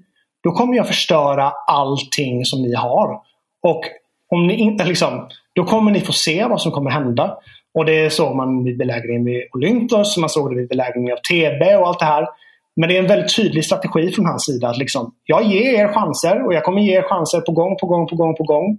Men om ni inte går med på detta, då kommer ni se saker som ni inte kommer vilja ske hända. Och mm. Det är också därför han lyckas få över väldigt många städer väldigt tidigt. För att Folk sen vet ju vad som händer för Tyros. Folk vet vad som händer för TB, vad som händer för Olympos. Och då är det så här bara, ja men vet ni vad? Det finns inte en chans att vi kommer kunna göra något form av uppror mot, mot Alexander. Det är bättre att bara låta han gå med på de här sakerna som de här väldigt generösa kraven som han ger. Och så låt, när, han, när han sen går förbi Tyros och går in i Egypten, de, de välkomnar han ju med öppna armar. Liksom. De är skitglada för att han kommer. För att de hatar egentligen det persiska riket också. Men också för att de vet att, liksom, att, att streta mot här, det är inte ett, ett alternativ. Liksom. Um, Nej, precis. Så det kan vara effektivt ibland att vara lite vårdslös och, lite, och skapa ett rykte runt dig. Mm. Ja, statuera exempel någonstans. Jag menar, de var ju inte helt oskyldiga heller i och med att de dödade två sändebud. Nej, precis. Och, och också är det så här att liksom, om du dödar hans sändebud, du, du insisterar på att ha den här extremt eh, våldsamma motståndet mot han. Alltså det här är inte liksom, vi har inte FNs eh, deklaration över mänskliga rättigheter nu. Utan det är liksom ett annat spel som vi utgår ifrån. Det går inte mm. liksom att hänvisa till att nej, men vi har den här lilla konventionen som alla har skrivit under på. Det är en annan mm. tid liksom. Och, då, vad eh, menar du? Så att man inte kan döma historiska exempel efter dagens moral? nej, det, det, är ett ganska kontroversiellt eh, ställningstagande jag har där, men så är det. ja. Eh, Tyros är ju också vad heter det, födelseplatsen för Europa va? det kan vara det va? Jag blir osäker, vi kan kolla. Tyros birth of Ja, precis. De är ju fenicier eller vad man säger på svenska. Så ja. de var ju väldigt... De hade ju också sitt egna imperier. Eh, ja, och det imperiet är väldigt, väldigt intressant. Det är ju mer ett handelsimperie alltså. Exakt. Um, och och, och vad, vad de gjorde som var jävligt coolt är ju att det, det var det första var det första förenklade skriftspråket. Um, så att innan så, du hade ju sumeriskan ju först. Eh, eller det första man har hittat i alla fall. Eh, men där behövde du vara lärd för att kunna det. Alltså det var ett väldigt komplicerat skriftspråk. Eh, hieroglyferna också väldigt komplicerat. Eh, men, och båda, bo, båda de två är symboliska språk dessutom. Det vill säga att eh, alla symboler som ritas har en referent i form av ett objekt i världen. Eh, men vad feniciska språket gör är att det bryter ner det till abstrakta byggstenar. Eh, så att du har eh, i princip då eh, konsonanter eh, som alltså k, b, z, k, m, f. Alltså som du skapar symboliska representationer för eh, i ett generativt språk. Ehm, och att det var, så här, det var enkelt att göra symbolerna. Att rita dem. Och det, det var enkelt att koppla det. Ja, precis. ja, men, och, och, det är enkelt att koppla det till uh, men jag skriver, jag skriver ju om det här i min uh, kandidatuppsats också. Mm. Mm. Uh, men, men uh, vad heter det? Um, Uh, nej men då, så, här, så, så att då, då får du ett generativt språk. Och som, som då är kopplat som sagt då till uh, ganska enkla eh, referenter i form av, av konsonanterna. Och det som, är, det som är så intressant då eh, är att det språket kan ju sprida sig ganska mycket och användas som ett sätt att etablera tillit i handelsrelationer runt om i Medelhavet. Eh, så det blev ett sätt för folk med olika språk att kunna kommunicera på ett ganska enkelt sätt eh, när de handlade partier med, med varandra helt enkelt. då. Så det, det, var ju verkligen grunden till deras imperie. Och sen, sen kommer ju grekiskan då, gammelgrekiskan och lägger till vokaler. Um, och, um, och, och, och, och forts men fortsätter den här traditionen av att bryta ner saker till de minsta byggstenarna och sen bygga upp det till då nya grejer. Och, och det, Ashkan till exempel har ju pratat en del om det här Mm. Uh, också då om, om vad det innebär. Att du får matematik, du får logik, du får... du får eh, liksom ett abstrakt skriftspråk. Ja, uh, precis. Men också ett säga... abstrakt tänkande. Du kan ja, bryta ner saker i idea units i princip och, och bygga dem som legobitar. Uh, och, och, och liksom i den, i den gamla grekiska världen så, så är väl det yttersta exemplet på det typ Platon och neoplatonisterna. Mm. Eh, eller framförallt Platon kan man väl kan man verkligen säga. Just, just alltså eh, med, med idévärlden. idévärlden och form, mm. formar, former och sånt där. Liksom. Det går ju till en extrem, men, men, men det är rätt intressant ändå. Mm. Ja, verkligen. Alltså, um, jag tycker, det, jag tycker det, det är så extremt tråkigt att, och jag måste sluta säga extremt, det är som, min, det är som din liksom Frans. Ja. Du, Ja, du säger liksom hela tiden. Jag säger extremt hela tiden. Det, det, Men du är, du är ju extrem. Ja, jag vet. Och det är därför det är så nära till hands. Liksom, att jag måste använda det. det. Det passar liksom som handen i handsken varje gång jag ska använda det. Ja. Nej, jag ska säga väldigt, väldigt mycket mer nu. Så, Mm nej men det är intressant just med eh, antikgrekiska eller gammelgrekiska att man, att man inte har någon aning om egentligen, eller man har en aning men det finns ju inte liksom någon inspelningsmaskin som de hade. Så att man är ju inte helt till 100% på hur det faktiskt lät och hur man faktiskt uttalade saker. Eh, Så det finns ju helt, det finns ju olika skolor kring hur man ska uttala det och hur man inte ska uttala det och så. Men det som, det som slår mig mest... Hur uttalar man Thymos? Ja, exakt. Alltså egentligen, egentligen, om vi ska vara så. Väldigt många säger ju Tumos, så som du säger det. Ja. Och det är ju egentligen fel. Alltså vi ska säga, det man ska egentligen göra det är att det som man ska typ andas in vid u så det är du, Tumos, du, Dumos. Alltså det är väldigt svårt att göra. Jag är inte jättegrym på gammalgrekiska tilläggas. Men det är inte Nej. så. Man ska inte uttala det som Tumos. Nej. Eh, eller Timos. Det är, folk, jag har hört jättemånga olika varianter. Men det är ett sätt att prata på som vi inte är liksom så, eh, så vana vid i vår, våra moderna språk. Men Nej. man ska andas in så det ska vara typ du, du måste. Jag vet inte fan. Det är svårt att göra. Ja. Eh, och det är så, det är så eh, olikt eh, modern grekiska också. Alltså vissa ord är ju eh, nästan direkta översättningar och så. Alltså det kan vara alltså, samma sak. Men eh, väldigt mycket, framförallt själva rytmen de håller, framförallt om du ska läsa typ Iliaden och sånt. Ehm, alltså det är ju konstruerat på ett sätt. Dels så är det inte konstruerat på ett sätt att du ska läsa det, utan du ska ju lyssna på det. Det ska ju, eh, det ska ju ehm, Det är oral tradition. oral tradition, ja precis. Och hur de har konstruerat det för att, man, för att det ska kunna vara oral tradition, det är ju att det ska vara eh, relativt, inte enkelt, men det ska vara enklare för att kunna memorera det också. För att Mm. de här personerna memorerar ju de här sakerna och kunde liksom prata eller berätta hela Iliaden eller Odysseen på, ja, helt utifrån minnet. Det är inte tanken att du ska sitta där med en bok och liksom prata upp det. Mm. Eh, Och då måste språket konstrueras på ett sätt också så att det blir enklare för dig att kunna komma ihåg det. Och det är därför det är den typen av hexameter när, när Homeros har konstruerat ehm, själva eh, berättelserna. Så ehm, det är sjukt intressant. Och just den saken, typ eh, oral tradition och sådär med att man ska kunna komma ihåg det. Eh, det har vi ju förlorat helt. Alltså vilka människor kan typ komma ihåg till och med bara en liten bok. Alltså det behöver inte vara en lång bok.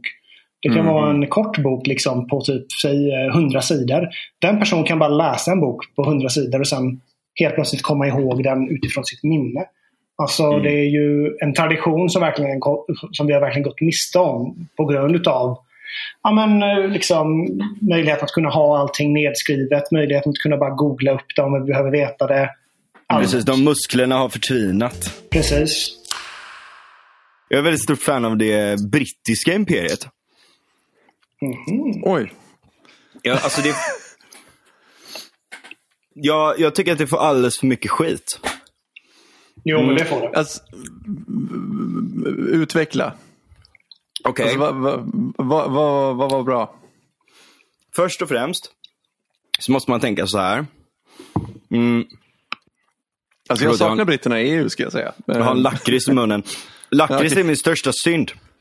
Åh nej, jag har- vet du vad? Lakrits är ju testosteron. Det dödar testosteronet. Du kan inte... Jag vet, jag vet, jag vet. Jag måste sluta. Det är fruktansvärt. Eh, eh, jag, jag kanske borde, ja jag får nog gå i terapi, eller liksom någon terapi för det här. Eller av- avförgifta Jag har... Um, BAP säger att du ska ta dock en stor sked kokosolja. eh, och, eh, och svälja det bara. För då... eh, Okej. det hjälper. Så om du har kokosolja hemma så kan du köra. Jag har börjat med sån chaga. Vet ni vad det är? Det är sån här skit som växer på björk. Så här Ja, eh, svampar som växer på björk.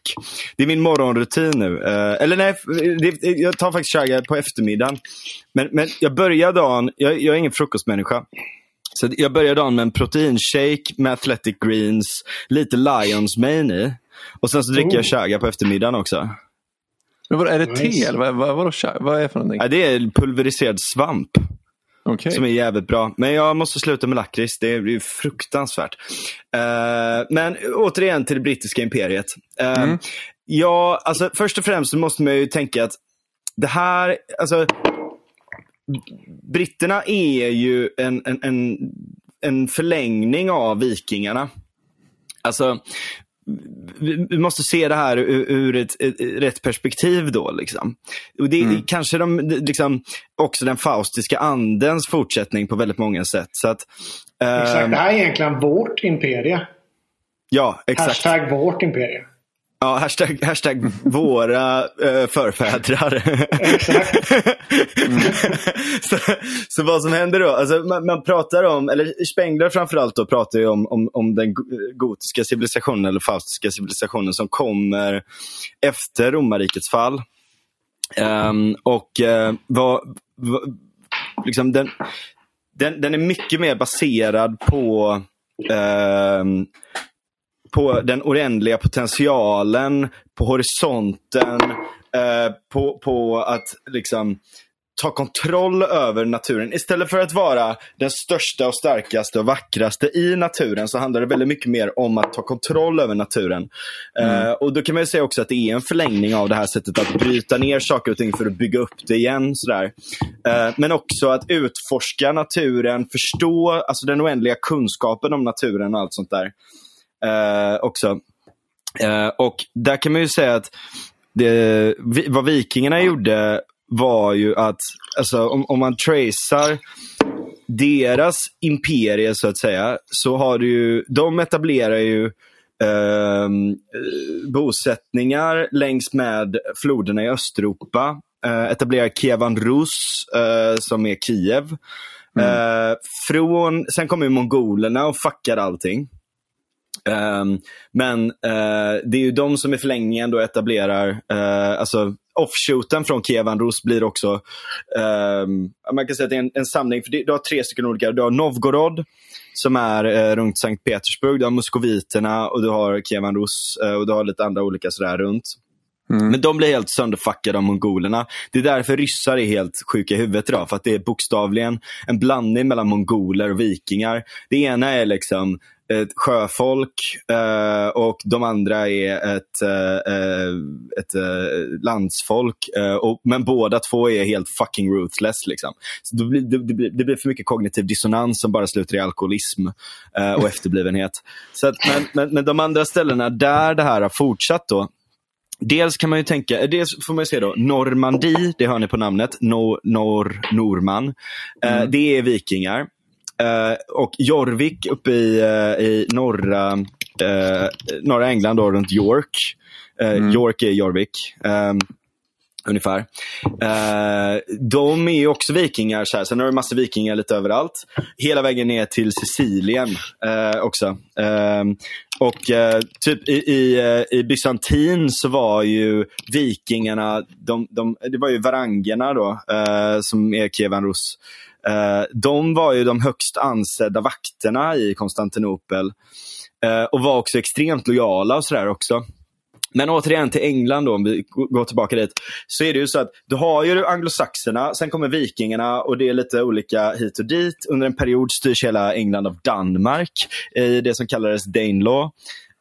Um, och um, det etablerar faktiskt eh, på, på sätt och vis en del legal grund där också. Um, Uh, och sen uh, efter det så uh, kommer ju alltså, så tar ju då anglosaxerna över i allt högre grad. Men sen kommer ju normanderna och tar över tar över England. Så att England är i princip franskt under en lång period. Vilket du kan se i språket, vilket du kan se i kulturen och massa olika såna här saker också. Mm. Ehm, så att och, och, så det är ju, men det är egentligen bara vikingar mot vikingar i slutändan. Um, och jag menar, Vikingarna var ju först att upptäcka USA som vi vet. Uh, och eh, blev sedan de som erövrade det också. Samma, samma liksom, uh, folksjäl som erövrar dem sen också. Uh, och de som tar sig ut i rymden först, same fucking shit. Det är liksom samma sorts ande tror jag. Exakt. Leif Eriksson gick så att vi skulle kunna flyga, eller vad är det man säger? Så att vi skulle kunna få ett rymdimperie. Exakt. Leffe ja. kingen. Ja, eh, exakt. eh, och eh, där, ja, i, i, det då så är det också så här, det som är så intressant Alltså för det första då, när vikingarna kommer till, till England så, så eh, blir ju engelsmännen extremt avundsjuka på vikingarna för att alla deras bitches tänker, ser så här, oh shit de har så här stort skägg, långt hår och de tvättar sig och de är fucking chad. Eh, many such cases som eh, mm. Trump hade sagt. Exakt, many such cases. eh, också viktigt att ha med i den här eh, berättelsen. Men sen då, alltså just det brittiska imperiet är en fortsättning på det här på sätt och vis också. Eh, och Det som är intressant med det brittiska imperiet är ju att det, det är... Eh, du, du har ju haft kolonialism och du har haft slaveri på alla möjliga olika håll i hela världen. Mm. Uh, anledningen varför, inte, varför vi inte pratar om arabvärlden i det här är väldigt konstigt. Men en av anledningarna är för att det inte bor kvar några slavar i arabvärlden för att alla som skickades dit blev kastrerade.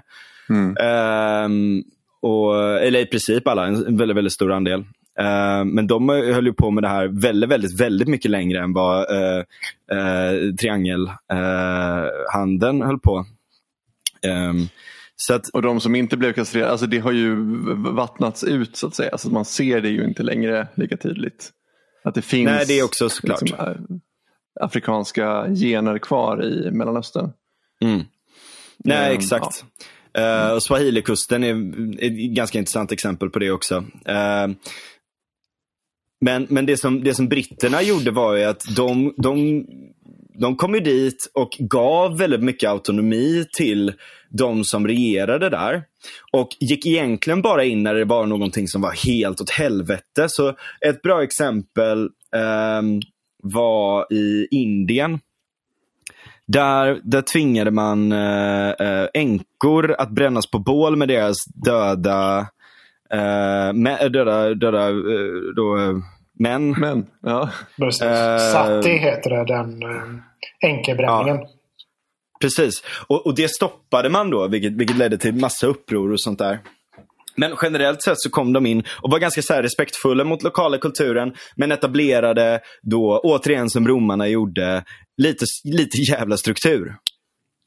Det, det är en ganska rolig historia där med, med britterna bara just kring det. Satt i enkebränningen och det. För att de kom ju in dit och bara Nej men ni kan inte hålla på med det här. Um, ni kan, det, det är barbariskt liksom. Och då hade de bara sagt, indierna bara Jo, men det här är vår eh, kultur. Eh, det är vår kultur att kvinnor måste eh, hoppa på de här stora eldsvågorna och, och brännas till döds. Och då hade britterna bara sagt bara, ja, ja, vi förstår. Men det, enligt vår kultur så dödar vi dem som gör sådana saker. och då blev det inte mer med det. ja, men en stor del av det hela var ju lite mission to civilize. För att man insåg det att man hade eh, jag menar ett, ett, ansvar eftersom att man hade haft så mycket teknologisk utveckling. Eftersom att man hade sånt välstånd och alla de här sakerna. Eh, men, men sen i efterhand så målas ju det här upp bara som att det var av ondo, extraktionism, att utnyttja och att ta slavar och allt sånt där. Men jag menar, alla de här imperierna hade ju gjort, alltså liksom, alla, alla, alla lokala eh, krigsherrar och sånt hade ju gjort det under hur jävla lång tid som helst. Alltså det mest intressanta exemplet det är ju nästan det spanska Alltså när spanjorerna kommer till eh, Centralamerika och aztekerna eh, eh regerar. Alltså, ja. Aztekerna är ju... De levde helt... där i fred och frihet och allt ja, var mycket alltså, mysigt. Aztekerna var ganska based på vissa sätt. Liksom. Ja. Alltså inte minst för att de hade så helt sjuka psykedeliska ritualer och jag respekterar det. Ja, men, men, det, men de var också väldigt, väldigt grymma på ett sätt som, som eh, eh, kanske inte riktigt uppskattades av andra olika stammar. De, alltså, i, i, deras, I deras psykedeliska ritualer så var det så här, du hade ju olika kast då. Eh, jag vet inte om det här är, är, är aztekerna eller maya-indianerna, men, men något sånt där. Men det, det, det, de, de hade så ritualer där eh, ehm, präster, du hade ju prästerka, eh, prästerkastet och så hade du krigarkastet och så hade du typ kungarna och så hade du folket. Eh, och eh, Eh, uh, prästerkastet var ju de som fick trippa. Uh, krigarkastet fick, alltså när du gjorde kakaodrycker och sånt så fick de skummet på toppen som var den, den najsigaste. Uh, och, och, lite andra såna här perks också. Um, men, men prästerkastet, de, de malde ner jävla, alltså allt de kunde hitta. De var liksom enorma blandmissbrukare. Uh, så de körde ner, körde ner som sagt liksom lite allt vad de kunde hitta. Trippade balls och kommunicerade med gudarna. Uh, och um, Ja, eh, ja det, det, är ändå jävligt fett alltså. De hade helt sjuka ritualer. Mycket sex och sånt där hade de också. Så det finns en form av esoterisk vitalism i det. Um, ja, alltså, ehm, alltså bara rent på den, det ämnet. Just antikolonialismen har ju verkligen färgat så mycket av vår vardag idag. Så att det är typ helt omöjligt för folk att ens sätta sig ner och liksom rationalisera för sig själv. Eller bara att erkänna att vissa av de här sakerna var till godo. Inte alla. Ja, men definitivt fanns det saker som var bättre med kolonisationen än inte kolonisationen. Det som det fanns mm. innan i de här länderna. Men om du säger ja. det så får ju liksom folk får ju verkligen de får ju panik typ om du bara ens mm. Eh, lyfter de sakerna. Men det är ju bara trams att inte kunna se att vissa saker var bättre än vad det var innan. Ja, exakt. Och, och där är så jävla bra exempel då som sagt. För att när spanjorerna kommer dit så kommer alla andra klaner, eller, eh, så här, som, eller olika tribes sådär. Då, eh, och bara, okej okay, shit, ni är gudar. Ni ska hjälpa oss att, att uh, uh, störta våra förtryckare.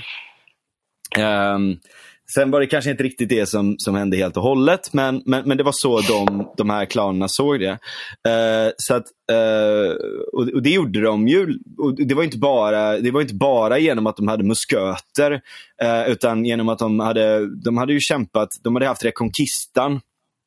Eh, mm. nyligen. Och Det var ju egentligen det som gjorde att de sökte sig ut för att fortsätta den här rekonkistan. Eh, att, att liksom göra världen eh, katolsk i princip.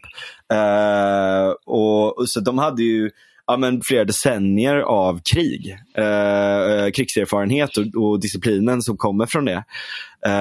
så att, och när de väl kom dit så var de ju också alltså de, de hade ju rustning och, och, och, och krigsmateriel som, som var som, som var väldigt, väldigt mycket mer avancerad än vad aztekerna hade. Så Det var en ganska lätt match och så dessutom då mm. såklart alla sjukdomar och allt sånt där. Men, men när de väl hade intagit städerna så var det faktiskt inte de. Det finns ett fall med en riktigt sjuk jävel som bara mördar hela eh, Teknoklitans, eh, vad det heter, hov. Men, men i väldigt många fall så, så var det ju faktiskt eh, locals eh, local klaner då som bara så här, nu fan ska vi ge igen. Och det var de som gick runt och mördade barn och sånt där. Uh, och, och, och, var helt sjuka i huvudet. Så att De aspekterna finns ju och det är samma sak i Indien, finns ju liknande grejer. Alltså, runt om i världen så finns de här sakerna. Att despoter har alltid funnits. Uh, på olika platser. Mm. Imperier har alltid funnits på alla platser. Men britterna tycker jag nog är kanske de mest liksom, benevolent på något sätt i, i det här. Uh, för att de etablerar ett, ett uh, de, de, de, så här, de ger ett juridiskt system, de, de har ett visst mått av så här, ni måste ha vissa grundläggande mänskliga rättigheter. Uh, och, och, alltså och de, det är ju naturrätt väldigt mycket. Ja. Eh, återigen för att knyta an till förra avsnittet. Men, ja, och de avskaffar ju faktiskt, och inte bara avskaffar, de eh, eh, vad ska man säga, polisar hela världen kring eh, slavhandel. Slaveriet, ja precis. Ja, precis. Lägger ner enorma, enorma summor för att eh, kontrollera de här staterna som fortfarande håller på med det. Och offrar mm. enormt mycket eh, liv också i det här eh, kampen mot eh, det är ju berberna, eller vad, hur säger man? Så här, Barbary heter det ju på... Eh, mm. Vad heter det på ja, svenska? Berber kan du säga. Berber. Ja, Berberpiraterna och deras slavhandel. Eh, alltså att sitta och... Typ, Morer kan man också säga. Precis. att sitta att, att um, försöka lägga skulden kring just slaveriet på typ britterna eller vita i, i, i någon extremt bred bemärkelse blir så absurd eftersom att det, det, faktan är liksom att, att den typen av slaveri som faktiskt fortfarande håller på idag är till stor del utav afrikanska länder eller arabiska länder som håller på med det. Och de mm. personerna som faktiskt la ner enormt mycket tid både i och offrade enormt mycket både pengar och... Och fortfarande gör. Och fortfarande gör är de, de västerländska länderna och om vi ska börja med det brittiska imperiet som som verkligen, som verkligen offrade mest under den tiden. Mm. Mm. Ja, ja, alltså troligtvis la de mer pengar än vad de tjänade under hela slavhandeln på det. Ja, ja, ja. onekligen. Alltså, och um... dessutom liv. Och de, de, de satte också sig själva i en ganska eh, sårbar position eftersom att stora delar av deras flotta var upptagna med detta. Eh, mm, så, att, så det är så absurt trångsynt och bara så här korkat och cringe att säga att britterna på något sätt skulle ha varit bad guys i historien. Uh, så här, ja, allting de har gjort har såklart inte varit perfekt. Och om, om du mäter allting mot en utopisk kam uh, så, så, så, går det ju inte. Uh, Nej, det är trams. Ja, det, det, finns ju inte. Uh, så att, så att Uh, och, och, man ser så här, vad, i dagens läge, vilka är det som faktiskt bryr sig om skithålsländer? Jo, det är, det är den engelskspråkiga västerländska civilisationen framför allt som, som, som verkligen lägger ner resurser på det här. Uh, och, och always have been på något sätt. Sen tror jag att det tyvärr har varit till ondo i vissa fall också. Mm. Uh, men, men liksom intentionerna där är relativt goda. Men, alltså, och, och, och, Det stora problemet varför det har varit till ondo är också för att man har gjort många av de här nationerna eh, dels dels har det varit den här idén om att om vi bara ger dem det här och det här och det här så kommer de klara sig lika bra som oss. Och det kanske inte riktigt har funkat. Också kanske på grund av att man dessutom har gjort dem väldigt, väldigt bidragsberoende. De har gjort dem extremt beroende av de här olika strukturerna. Mm. Eh, för, för, för bistånd och, och, för allt sånt där.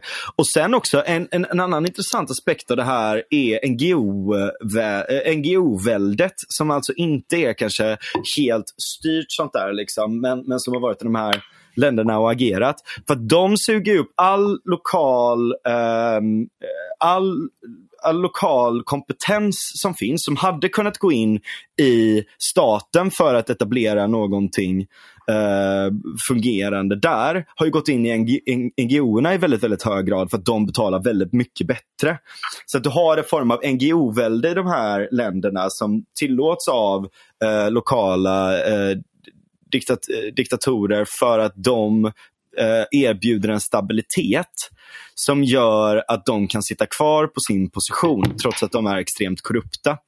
Mm. Um, så, att, så att det finns ju, jag skulle snarare säga att, det, men, men det är ju liksom, det här är ju här, totala motsatsen till det narrativet som försöker eh, pushas av, av vänstern i de här frågorna.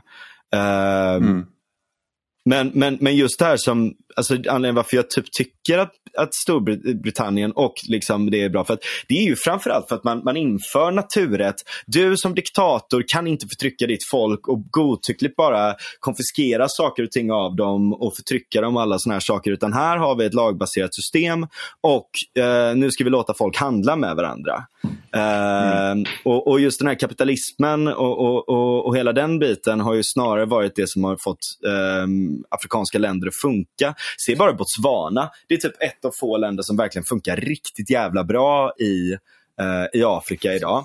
Det var de som inte valde vägen av de här jävla uh, marxisterna som hela tiden, alltså, under third worldismen, alltså efter Stalins fall, mm Mm. Och man insåg att så här, Stalin var helt fucking efterbliven och allt sånt där. Så började man med det här med, med postkolonialism och tredje världism och eh, den här vilden och, och, sånt blev väldigt stort igen.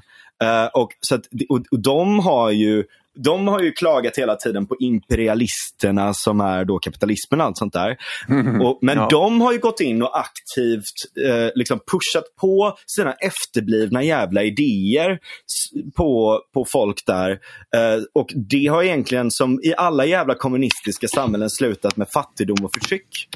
Eh, mm. Och, och NGO-erna har ju spelat med i det här också. Så att, ja. Varför ger vi bistånd till Turkiet? Det fattar inte jag.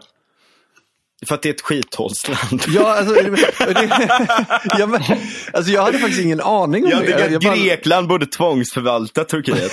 ja, ja, verkligen. nu börjar vi äntligen börja snacka. Ja, nu, nu, nu vaknar du till liv. Nu.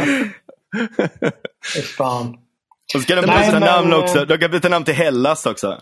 Oh. Nej, alltså det roliga är typ um, den här, har, man, har man varit i någon form av grekisk förening någon gång eller suttit och tagit en, en fika någon, någon gång med några greker så kommer man oftast in på de här sakerna. Typ som ja, men typ om Erdogan har gjort någonting typ med Agio Sofia till exempel när han valde att inte ha det till ett museum utan gjorde det till en moské nu till exempel. Mm. Um, alltså sådana här saker. Det gör, inget gör ju kaffedrickande greker på Espresso House mer provocerade än sådana där saker. Mm. Men alltså det roliga, jag kommer ihåg, de började prata så här, vi måste sätta press, vi måste sätta press på, på um, den grekiska regeringen att de måste vara mer handlingskraftiga, de måste göra mer saker. Det, det, det här är alldeles för dåligt, det här, det här är skrattretande och sådana här saker. Och du vet, jag har nog aldrig varit så hatad som när jag sa till dem, bara, men alltså okej, okay, eh, killar. Ni sitter här nu och pratar om att ni ska ta tillbaka Konstantinopel och fram och tillbaka. Du vet. Jag bara, vet ni hur många det är som bor i Istanbul eller Konstantinopel bara just nu så som det är? Jag bara, det är 15 miljoner människor som bor där. Det bor 10 ja. miljoner i hela fucking Grekland. Hur ska ja. ni, alltså, det, det, här är en matematik som inte går ihop. Liksom. Vissa saker måste man faktiskt kanske släppa lite. Alltså ja. leva i den riktiga världen liksom, ibland. Men... Men och det kommer från dig. Men då vet man att det har gått åt helvete alltså. Att när jag är personen, när jag är personen som måste dra tillbaka dem liksom. Och bara hallå. Men greker, är väl, har, greker har väl ett, ett kulturellt storhetsvansinne lite grann? Ja, sett. fast jag tycker det nu, nu, nu kommer jag säga att det är berättigat här nu bara för det. Men... Men... Motsäger det jag säger. exakt. Men, eh, ja exakt. Nej men alltså absolut så är det ju. Det roliga med greker, alltså, som en, en intressant spaning med greker, det var ju, alltså, det, det är ju att Greker har ju också varit koloniserade. Alltså ottomanerna, ottomanerna hade de ju i flera hundratals år egentligen som ockuperade och införde väldigt grova eh, eh, lagar. Till exempel det här med blodskatt där de tog grekiska eh, barn från byar och typ mer eller mindre hjärntvättade dem till att bli eh, livvakter till, till sultanen mm. och sådana saker. Janissaries, exakt. Eh, och, eh, alltså det, är ju en, det är en tidsperiod som det här skedde på, i flera hundratals år. Men det roliga mm. är ju att greker har inte valt att anamma den typen av antikolonialism alltså som, som väldigt många andra folkslag har gjort som varit koloniserade. Just det här att konstant sitta du vet och bara åh stackars oss. Det är så synd om oss för att under de här hundratals åren Turkiet måste göra detta ni, ni har inte rätt att säga det här. Det är den, det är den eh, hemska turkiska mannen som historiskt har förtryckt oss, stackars greker, som är, som är anledningen till varför vi är i en ekonomisk kris. Du vet. Den, den typen av argument finns knappt. Alltså, väldigt, väldigt, väldigt sällsynt. Vissa kanske typ diaspora-greker som har bott typ hela sitt liv någonstans och är vänsterliberaler kanske, kanske kan ta upp en sån grej. Men majoriteten av dem är ju snarare de som, som, som vill ta upp den tiden då greker själva koloniserade folk. Alltså då vi mm. erövrade saker. För det, det, det, är en helt annan mindset egentligen. Det man vill lyfta fram det är inte liksom det skamfyllda, du vet, när man själv var kuvad. Utan det mm. man vill lyfta fram det är ju liksom när man kuvade andra. Och den typen utav, um, den typen av inställning är väldigt intressant för att det är väldigt få folkslag som har den typen av inställning. Att man inte vill, framförallt i dagens moderna kontext mm. kring vad, vad som ger makt och vad som inte ger makt. Makt idag ges ju till den personen som är den svagaste. Som, ska, ja, som, som enligt eh, den här bisarra typ uppställningen på vem som är mest förtryckt eller inte den personen som är mest förtryckt, han ska ju få mest makt. Liksom. Men mm. grekerna har valt en helt annan väg där. Det, det, det är verkligen så här, där, men, eh, alltså ska, ska, ska de börja göra förolämpning till, till turkar, då är det ju så här, snarare att, att, de, att de har varit eh, ockuperade av greker. Inte att liksom, de är eh, förtryckare. Så eh, det är en mm. intressant... Eh, det är en intressant... Det är, väldigt... Eh, det är en intressant ehm, dynamik som greker har när det kommer till det. Ja, um, ingen slavmentalitet där inte. Nej, tvärtom är det verkligen. Alltså, ja. Man vill snarare lyfta fram den, den tiden då man själv var den personen som satt med piskan. Liksom. Mm. Men undrar Men... hur, ehm, hur liksom ehm, eh, studier om, eh, alltså, hur flyger sådana här teorier i Grekland överhuvudtaget? Så här, postkolonialism och alltså, hur funkar det? Alltså Grekland har ju en ganska lång tradition med eh, kommunism. Eh, folk kanske inte kommer ihåg, alltså, typ majoriteten av de grekerna som kom till Sverige var ju kommunister. Eh, mm. Eftersom att juntan um, var ju det som folk försökte fly från. Så de personer som kommer hit, framförallt typ om man kollar min släkt, alltså det är ju kommunister allihopa typ, eh, som mm. flydde. Men eh, jag tror inte de är så, de är nog inte så, alltså det är en annan form av kommunism om du förstår vad jag menar. Den formen av kommunism som de var, det var ju på ett helt annat plan än de liksom ny, nymarxistiska tänkarna som, som, försöker, som försöker få en, en um, doktrin om typ den mest förtryckte på ett helt annat sätt.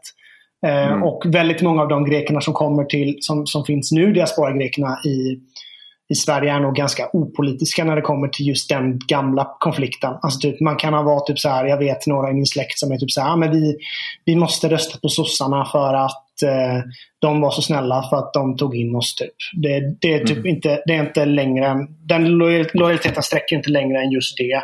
Det är ingen som sitter, kommer, kommer sitta och prata om Marx eller prata om de här sakerna utan det, det är till långt sett dött. Sen alltså, om du vill prata eh, eh, om du vill prata extrema åtgärder och sådana här saker. Alltså, det finns nog inga personer som kommer vara så hård mot kriminaliteten i Sverige som greker som sitter på, på grekiska föreningen till exempel.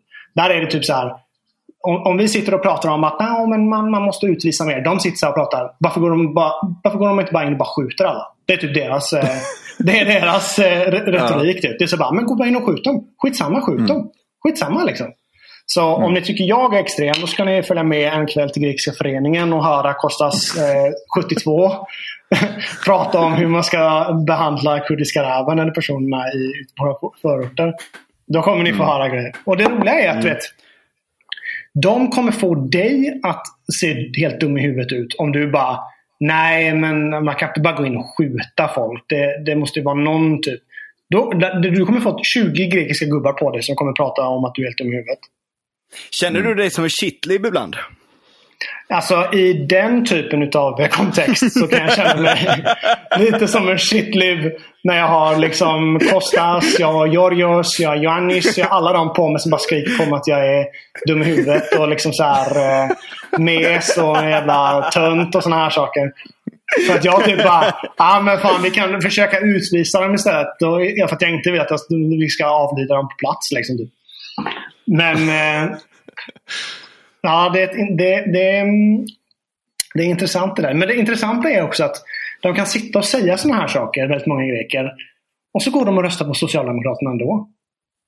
Alltså, mm. de, de, är så här, du vet. De, de har någon extrem typ diskrepans mellan vad de säger för någonting och sen vad de... För det, det är det är alltså, jättemärkligt. Jag kan sitta du vet, och, sitta och, och du vet, prata med dem och bara, men vad fan, alltså, du röstade för fan på Socialdemokraterna. Ska du sitta och snacka nu att du ska skjuta personer i, som du vet, bränner polisbilar? Alltså, det är inte det partiet du ska rösta på om det är den politiken du vill se. Liksom. Mm. Och då är det så här bara, ah, alla politiker de dumma i huvudet, dumma i huvudet. Det spelar ingen roll vem jag röstar på, det spelar ingen roll. Du vet, så, då får man den, du vet, så att det inte spelar någon roll. Ja, det, så det, det, det, det, går inte, det går inte att argumentera med... med jag, du vet, jag, jag lärde mig den läxan väldigt tidigt. Nu är, jag sitter du vet, bara bredvid och typ skakar, eller typ nickar på huvudet. Bara, ja, det är sjukt, det är sjukt, det är sjukt. Ja. Men är det den tacksamheten till sossarna som gör att de röstar på dem? Alltså den sitter så djupt liksom? hos många är det det. Alltså hos många mm. äldre generationer så är det så. Och um, det är fortfarande, alltså, vet, greker är väldigt eh, de, de, är väldigt assimilerade när det kommer till ehm, sådana saker. Alltså till exempel typ stigman kring till Sverigedemokraterna är, behöver inte vara stor, du vet, när de pratar om det. Alltså mellan skål och mm. vägg typ. Då kan det vara typ så här, ah, men Sverigedemokraterna de vet eh, vad som ska göras. De, jag håller med dem i allting. Men att gå och faktiskt rösta på dem. Det är ett steg som väldigt många har nog ganska svårt att göra. Det är någonting, du vet, någonting ligger fortfarande kvar hos dem det här att, okej, okay, eh, de kanske kan rösta på Moderaterna. Moderaterna kan de rösta på utan problem. Men mm. Sverigedemokraterna är det fortfarande, som det är nog hos många svenskar tror jag. Alltså fortfarande lite så här. Det är lite stigmatiserat fortfarande för dem att lägga just, alltså att säga någonting att uttrycka en åsikt, det är en sak. Men att faktiskt gå från ord till handling och lägga den SD-lappen i lådan. Det är ett steg som jag tror väldigt många svenskar har svårt för. Alltså för att om man har blivit bombarderad med form av propaganda mer eller mindre. Från liksom, ah, jag vet inte hur länge. Alltså bland de största nyhetstidningarna, alla programledare, alla kulturprogram, alla kulturfigurer, alla influencers, alla personer som har någon form av ställning i, inom eh, media, teater, kultur, eh, sport, oavsett vad det är för någonting. Med att ett budskap, och det budskapet är att Sverigedemokraterna är typ Hitlers parti. Det är det partiet Hitler hade röstat på om han hade levt. Alltså, mm det, det, det, gör någonting. Man kan säga att det inte gör någonting, men det gör någonting med människan rent på ett omedvetet plan. Att även om det, att du vet kanske att det inte är helt 100% sant och att du kanske håller med det Jimmy säger i vissa partiledardebatter. Så blir det ändå det blir så smutsigt för dig att lägga den lappen till slut i lådan. Och då blir det att, ah, fast ah, okej. Nu, eh, Magdalena Andersson pratade faktiskt om att vi inte ska ha Somali Towns. Hon pratade faktiskt att vi ska ha ordning och reda i invandringspolitiken. Och, ah, visst, alltså, hon, hon, ah, visst, jag kanske inte håller med dem om allting de säger men ah, det kanske är bättre ändå. Då, då kan jag fortfarande liksom, eh, säga sen att jag inte röstat på Sverigedemokraterna i alla fall. Den typen av stigma mm. finns nog bland väldigt, väldigt många människor fortfarande. Mm. Vad tror ni chansen är att sossarna kommer regera tillsammans med Sverigedemokraterna? Nej, jag tror inte det. Alltså jag tror att sossarna tror har målat in... Nej. Jag tror många, alltså inte många, men det finns vissa som, som, som tror att det är framförallt liberaler som kanske tror, tror det och så. Men jag tror att sossarna har målat in sig i ett hörn som, som är helt omöjligt att ta sig ut ifrån. Alltså de har investerat allting på att Sverigedemokraterna är nazister, fascister, det absolut värsta som finns. Det största säkerhetshotet mot Sverige. Mm. Personer som, som liksom aktivt vill att svenskar ska dö i terror, terrorattacker för att då kan ja. de vinna röster på det. Alltså psykotiska tagningar. Jo, jag håller med. Samtidigt så måste man väl ändå säga att Moderaterna hade ju också målat in sig väldigt mycket i det hörnet. Och är det några som är duktiga på att måla in sig i hörn och ändå lyckas ta sig därifrån så är det ju sossar. Tänker jag. Jo, så är det. Absolut. Så, jag tror skillnaden, jag... skillnaden tror jag nog är att Moderaterna insåg att de som parti skulle gå under om de fortsatte att hålla den hållningen som Fredrik Reinfeldt, eh, som Fredrik Reinfeldt propagerade för. Jag tror att de mm. insåg väldigt, inte, inte tidigt ska jag inte säga, men tidigt nog att det kommer inte gå. Vi måste börja en successiv successiv förändring. Första steget var ju såklart att få bort Fredrik Reinfeldt, få in Anna Kinberg Batra och sen få in Ulf Kristersson. Och liksom successivt arbeta ner, flytta liksom gränsen lite tills det blir acceptabelt för dem att, eh, att närma sig Sverigedemokraterna och faktiskt ha ett regeringsunderlag som, med, som är eh, beroende av Sverigedemokraterna. Socialdemokraterna är i en helt annan sits. Socialdemokraterna har en helt annan eh, väljarbas till stor del än vad, vad Moderaterna har. Och de har en helt annan väljarbas. Visst, de tappar folk till Sverigedemokraterna. Men de här personerna kan de vinna tillbaka. Och de har sån enormt stöd bland människor med utländsk bakgrund och, och i våra förorter. Att de, de, de behöver inte de här liksom Bosse arbetarbosse som har Bosse på Bosses bygg och de här grejerna som, som har varit klassisk svensk manlig arbetarklass Mm. De behöver inte dem i samma utsträckning för att de har de här personerna ute i förorterna som kommer rösta på dem oavsett. Och deras enda hot där, det är ett etnifierat parti, ett, ett väldigt tydligt etnifierat parti som till exempel Nyans eller någonting liknande. Men ett Nyans som är mer kompetent än vad Mikael Yüksel kan, kan, eh, kan eh, prestera. Ett parti som mm. faktiskt är smartare både på att eh, locka väljare, locka arbetarväljare. Inte bara är du vet, ex, ex, alltså, Nyans är så ex, eh, väldigt eh, nischat till invandrargrupper. Men om du har ett parti som är lite mer omfattande för, lite mer välkomnande för svensk arbetarklass eller liknande eh, och majoritetsbefolkningen då, då, kan det, då kan sossarna verkligen förlora på det. Eh, sen är, alltså jag har sagt det här skitofta och, och eh, jag vet att ni kanske inte till 100% håller med om det. Eh, liberaler brukar inte hålla med om det. Eh, men det, det som kommer att avgöra huruvida vilket parti som kommer regera i Sverige, vilket parti som kommer att ha inflytande i Sverige, det är den demografiska utvecklingen i Sverige. Sverige har gått från att ha 18% personer med utländsk bakgrund till 30% med utländsk bakgrund på bara några år, på, på 20 år. 20 år är ingenting. Om den samma utvecklingen följer 20 år framåt, då kommer det vara en utveckling, ett Sverige med en demografisk uppsättning som är så förändrad att, att det kommer vara, Sverige kommer vara i oigenkännlighet. Och de politiska effekterna som kommer komma efter det, eh, vi ser redan hur de är från 18 till 30. Om, vi kan bara gissa vad de kommer vara när det blir 30 till 45 eller 30 till 51 eller 52 eller liknande.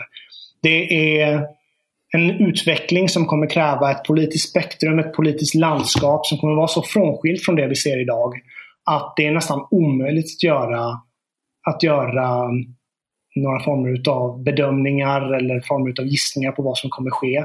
Det kommer vara ett mer, ett split, ett mer splittrat land, ett mer etrifierat land, ett mer eh, segregerat land, ett, ett mer eh, eh, kontroversiellt eller ett, ett mer polariserat land. Eh, och om man inte har hand om de demografiska förändringarna, om man tar tag i de demografiska förändringarna nu så kommer vi få lida med konsekvenserna. Och tack för att ni lyssnade på mitt tal till nationen. Nej men jag, eh, alltså, jag tror inte att du har fel. Uh, jag, jag, tror att det, det absolut största problemet uh, det absolut största problemet med det där är att väldigt många personer tror att Socialdemokraterna byggde ett så bra system för Sverige och det är därför Sverige har fungerat så bra. Mm. Jag köper inte den beskrivningen överhuvudtaget. Alltså om man kollar kring, alltså, med det sagt, Socialdemokraterna har gjort flera bra saker för Sverige. Jag, jag är, kan, kan tänka mig att erkänna det. men eh, men om, om man ser vad, vad, vad deras eh, liksom, senaste 50 år har inneburit för Sverige så är det ju så här, I början av 70-talet så ballar de ur i sin socialism, jagar bort eh, industri och eh, industrifamiljer och det ena och det andra från, från Sverige. Det läggs ner, det flyttas utomlands och så vidare. och så vidare och så vidare. Under den här perioden så, hade vi, så var vi typ ja, men i princip ett av de rikaste länderna i världen. Eh, vi, eh, och, och, vi låg ungefär, kronan låg på samma nivå som schweizerfrancen och, och sådär också. Mm. Eh, om du ser idag så ligger schweizerfrancen på 13 eller något sånt där tror jag. Eh, eh ska vi säga Swiss franc. Ja men det är något sånt. Ja, för mig något. Det. Uh, whatever. Um, uh, så, så man, man, man, Ja, det är 12,48. Ja, okej. Okay. Uh, mm men, men grejen är då så att man, man fuckar upp hela industrin som Sverige har. Uh, man fuckar upp uh, och sen så fuckar man upp sakta men säkert då, uh, tilliten till institutioner. För det som vi pratade om innan, det är väldigt enkelt att styra ett folk som är väldigt, väldigt samarbetsvilliga. Mm. och jag, jag kollade lite på den här boken som du tipsade om, där, The New Totalitarians. Där jämför han ju Sverige i princip med Huxleys Brave New World. Och det är inte helt mm. orimligt, för att om, om man ser under den perioden vad som har hänt. Sverige har ju haft en extrem social ingenjörskonst ända egentligen, egentligen sedan eh, husförhören och protestantismen vidare genom eh, Myrdal och framåt. Och även innan det så har vi haft väldigt hårda straff mot brottslighet och antisocialitet under en väldigt, väldigt, väldigt lång period. Det har gjort att folk har fått tillit till varandra. Alltså vi, vi har i princip haft en väldigt hård, hårt selektionstryck på eh, beteende i Sverige. Och de som inte har följt det har, har blivit inkapaciterade liksom, eller slängda i fängelse eller ibland till och med dödade. Sådär, liksom. uh, så vi har haft det under en extremt lång tid, kunnat bygga upp en enorm tillit till institutioner och mellan varandra. Att man inte går och stjäl skit och inte pajar saker och ting utan att man liksom i hög grad kan ändå lita på sina uh, grannar och medmänniskor och allt sånt där. Sen så har du, och, och, och det har gjort att myndigheterna har kunnat funka, inte för att de har varit effektiva Eh, utan för att det har funnits så mycket tillit uh, kopplat till det så att det, det har funkat ändå. Uh, mm. det, det, är en humla som flyger helt enkelt, trots att den är stor. Ehm, och um, Sen har vi också haft ett väldigt fritt företagsklimat. Lyckligtvis så stoppades Socialdemokraternas försök att socialisera hela näringslivet genom löntagarfonderna. Annars hade vi mm. varit liksom, ja, alltså det, det hade varit total katastrof. Vi hade varit ett jävla liksom, u-land typ. Ja, totalt knullade uh, Ja, ja, ja verkligen. Uh, det, vi, vi, hade sett som, liksom, det, det, hade varit vi som hade fått bistånd. Liksom. Uh, ja. ja. men inte minst också i relation då till att du har det här systemet som är extremt baserat på tillit och det här. Och sen så tar du in en invandring som är från topp 10 minst utvecklade länder i hela världen under en period på eh, cirka 30 år som intensifieras under en kort period också där du tar emot så jävla många människor att du inte vet vad du ska göra med dem i också en arbetsmarknad där vi har jättehöga ingångs, eh, alltså jättehöga trösklar in på arbetsmarknaden. Eh, I en kultur som är ganska komplicerad att komma in i. Eh, och så vidare och så vidare. Och så vidare. Uh, och det enda då, återigen som jag sa innan, liksom det här med, med liksom problemet med bistånd och sånt där också. Du har ju skapat en, en, en gigantisk stor transferiatklass som är eh, i princip jag menar, ett, ett, ett liksom bidragsprekariat som uh, är uh, segregerade i, olika, i olika enklaver. Mm. Till råga på det så har du dessutom lagt enorma resurser på att stödja etniska föreningar. Uh, ja. Och Det är en sak när det sitter några grekiska gubbar och snackar skit, men det är en annan sak när du har eh, liksom, olika föreningar som pumpar enorma mängder pengar i att bevara sin kultur. Och du ger pengar till, till uh, moskéer och det ena och det andra och det tredje också som, som bevarar det. Så vad du gör är i princip att du skapar Uh, du skapar enklaver. Alltså du, du, du, det, det är motsatsen alltså, till integration. Och det, ja. och det, är en form av mångkulturalism mm. som är extremt skadlig. Inte minst för ett land som Sverige som är så extremt beroende av att människor men gör sin plikt, kräver sin rätt och agerar på hur länge utifrån ett system det? som är tillitsbaserat. Hur länge har vi plöjt in pengar i, i liksom sådana här föreningar?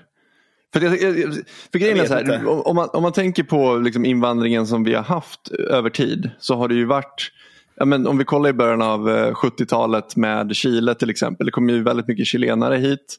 Eh, och alltså de, Det funkade väl rätt bra med dem, tänker jag. Gjorde det inte det? Ja, vi fick komma till alltså, oss och sådär. Men, men, men, det funkar hyfsat bra. Men de kommer också från en latinsk civilisation.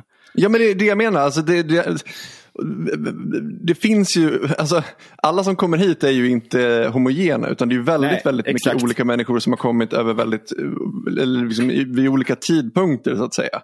Och jag, vet, det, jag har ingen aning om vi har plöjt ner pengar, skattepengar i, liksom, i etniska föreningar om ska säga, i, liksom sen, sen 70-talet. Men det jag försöker säga är bara att jag tror nog att, det, nu är jag emot det av, av principiella skäl, men jag tror att det behöver inte ha den negativa effekten beroende på vad det är för folk. Så att säga. Nej, men, men alltså man får se det, om, om, om du ser det som ett kluster, alltså, om, om, om vi går på nätverks, abstrakt nätverksnivå nu och så mm. ser man åsiktskluster och beteendekluster.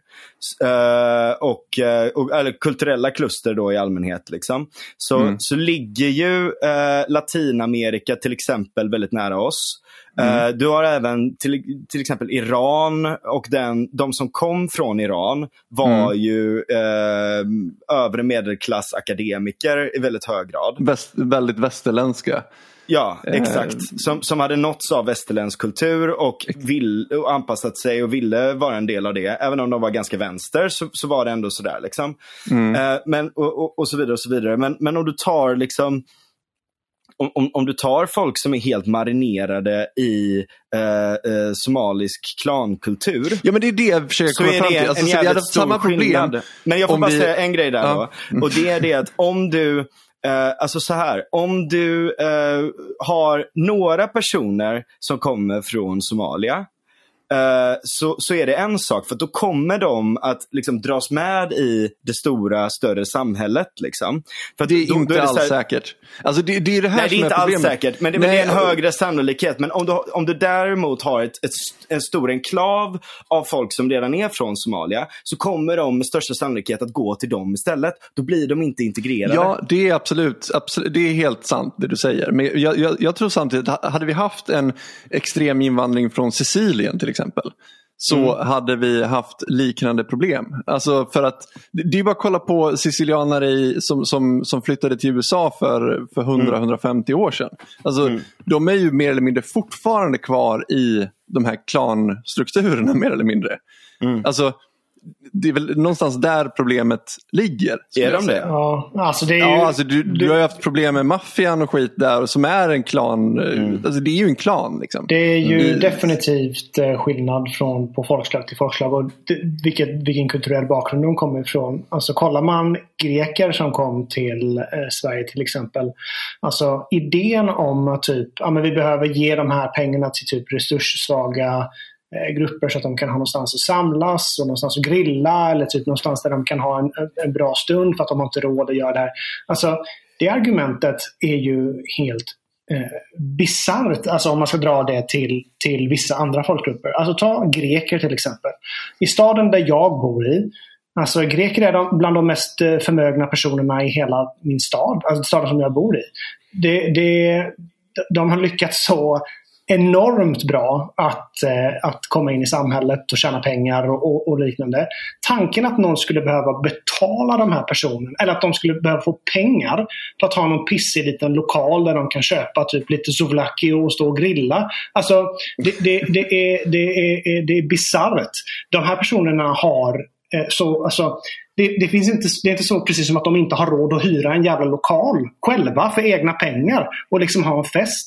Och det är samma med bosnier eller iranier mm. eller de här personerna som också Exakt. är välintegrerade och har mycket pengar. Och då kan liksom, det du kommer, det, det kommer mynna ut i, det är att de här resurssvaga eh, med låg kulturell kompetens, låg humankapital, de här grupperna som somalier eller liknande, kommer sitta mm. och ha en konstant jävla liksom mun in i den här tutten, i statens tutte och bara mjölka ut pengar hela tiden utan några form av motkrav överhuvudtaget.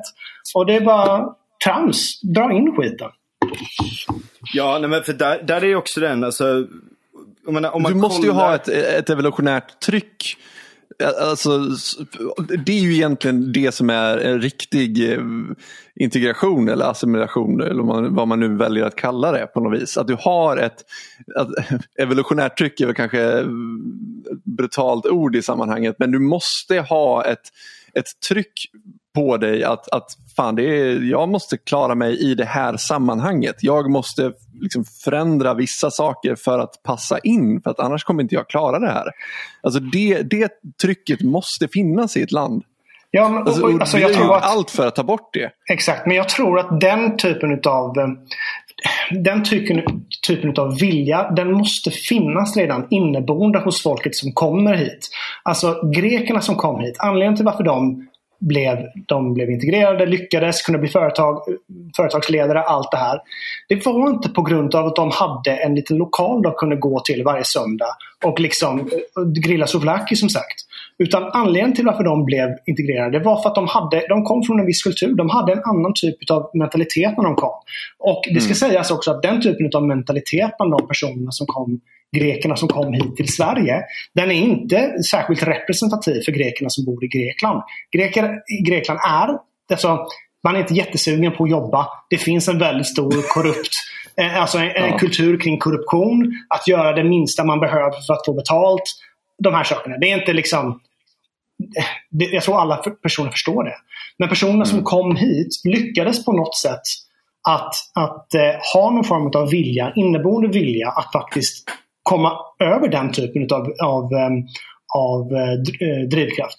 Och faktiskt mm. göra någonting själva. Alltså min pappa kom hit när han var typ två, tre år, så han var inte speciellt gammal. Men alltså kollar man i hans släkt, kollar man runt om dem i min bredare släkt. Alltså det här är personer som har öppnat, som har drivit företag, som har jobbat hela sina liv. De har aldrig varit arbetslösa. Eh, de har aldrig begått något brott. Alltså det här är väldigt, alltså, begå brott och sånt kanske är låg, eh, låga, låga krav att ställa på en person såklart. Det behöver vara självklarheter. Men det här är, eh, det, det är någonting som är eh, man försöker säga, det, det, är någon, det, är en drivkraft som ingen har behövt förklara ja. för dem att de behöver göra. Ja, liksom. Nej men exakt, och ja, där är ju problemet uppenbarligen då inte invandring. Nej, men, men, men, du har en bra poäng där. Och det, om man ska dra tillbaka det igen till till sicilianare som flyttade till USA. Alltså, de flesta invandrare till USA var ju tvungna att liksom, du, du, var tvungen att klara dig när du väl kom dit. Liksom, vilket gjorde att du fick ett selektionstryck som var ett helt annat än, än det selektionstrycket vi har till Sverige. Men precis som du säger så måste det också finnas hos individerna själva som kommer till ett nytt land. Så att om du tittar på sicilianare till exempel, de byggde ju upp familjestrukturer i USA som, som var ett problem för USA långt, långt, långt efter att de här människorna hade kommit dit. Alltså ja. generationer som var födda i USA levde kvar i den här klanstrukturen. Så att det, det, det är precis som du säger, alltså, då, trots att det var ett land som hade det här eh, trycket, då, det här evolutionära trycket som jag försöker sätta fingret på. Så att det är sant, det, det, handlar inte bara om miljön utan det handlar också om vilken person som kommer dit och vad den mm. har för drivkraft, drivkraft i sig själv också. Inte bara utifrån att faktiskt vilja funka i ett samhälle. Ja, Nej, men, och där är det också det är väldigt, väldigt stor skillnad. Jag menar, ta, ta Somalia. Jag tycker inte man kan reducera ner allting till den här parametern. Men, eh, eller till de här parametrarna menar jag. Men det är så här, om, om vi ser förutsättningarna. Snitt-IQ är under 70. Uh, eh, du har uh, inavel, du har klanstrukturer, du har en bizarr uh, kultur i sig. Du har uh, uh, dessutom en politisk kultur som bara handlar om korruption och makt. Alltså och så vidare och så vidare och så vidare. Och så förväntar du, sig, för, förväntar du dig att de bara kommer att liksom hiphop automatiskt bara integrera sig i ett ganska komplext system. Ja. Uh, när, du dessutom ju, gör det, när du dessutom gör det svårt att driva företag i viss mån Uh, mm. Du gör det svårt att, uh, du gör det svårt att, att, att, komma in på ett jobb med en ingångslön och du, du, du uh, då liksom löser det här genom att bara ge bidrag istället.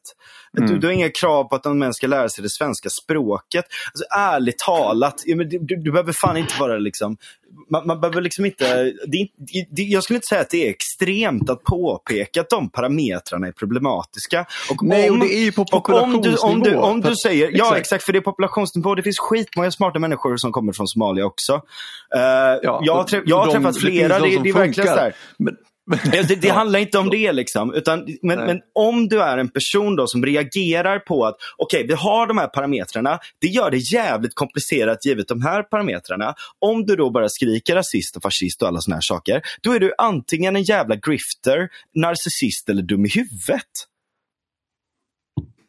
Ja, eller alltihop. Ja. Vad händer med snacket om imperier här liksom? ja, men, men där är intressant. Vi kan dra en sån parallell. För att, alltså, 1975 så väljer ju eh, vet det, Sverige att, att kalla sig eh, mångkulturellt och att vi ska bli någon form av humanitär stormakt.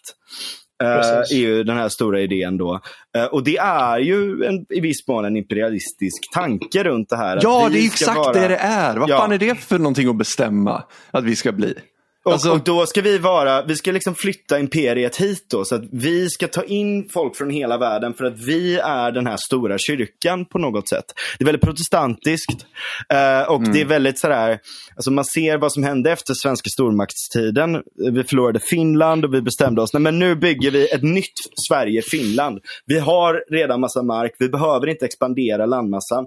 Vi ska bygga oss starka liksom. Uh, men, men, och då, då har man också den här idén om att alla kan komma hit för att vi har byggt uh, Edens lustgård här. Mm. Allting är perfekt. Vi har byggt Edens lustgård och det är bara för folk att komma hit för att vårt system är perfekt. Det, det, är någon form, det är inte imperialism i den bemärkelsen att du imposar dig själv på andra, liksom, men det är den här stormaktsidén om att vi har byggt det perfekta systemet som kan lösa allting i hela världen. Men, men, men det är någon form av bizarr jävla narcissism och eh, överdrivet självförtroende i det här som, som uppenbarligen, på tal om, om att vara naken och liksom, nakna kejsare, kejsaren är naken. Det, det, var inte så jävla bra det här systemet. Det är massa men, delar man... av det svenska systemet som är skitbra men det funkar. Det är inte, det är inte en jävla one size fits all på något sätt överhuvudtaget. Nej, men man tror ju att det är själva systemet som har gjort folket och inte folket som har gjort själva systemet. Och, och alltså problemet mm, exakt, blir att... Exakt. Och, och, problemet blir att, att eh, när du har den typen av utgångspunkt, när du tror på den här överideologin om tabula rasa och att alla människor bara föds som ett blankt blad och att om de bara kommer till Sverige och får ta del av det här systemet så kommer de rätta sig i ledet och inse rent rationellt att självklart så är det här systemet så extremt mycket bättre än det klanbaserade systemet som vi hade och vi lämnade, nu har lämnat oss bakom. Och det är en enorm övertro till den egna liksom, förträffligheten. Sin, det är som du säger, en enorm narcissism. Och tro liksom att vi har hittat den, den den djupaste hemligheten bakom mänskligt liksom, välmående. Och, och, allt som behövs nu det är bara att vi forsar in folk hit. För att så många människor som möjligt i någon så här bisarr utilitarisk Jeremy Bentham-idé. Typ att bara, nej, men in bara med alla så att alla kan ha så bra som möjligt. Liksom.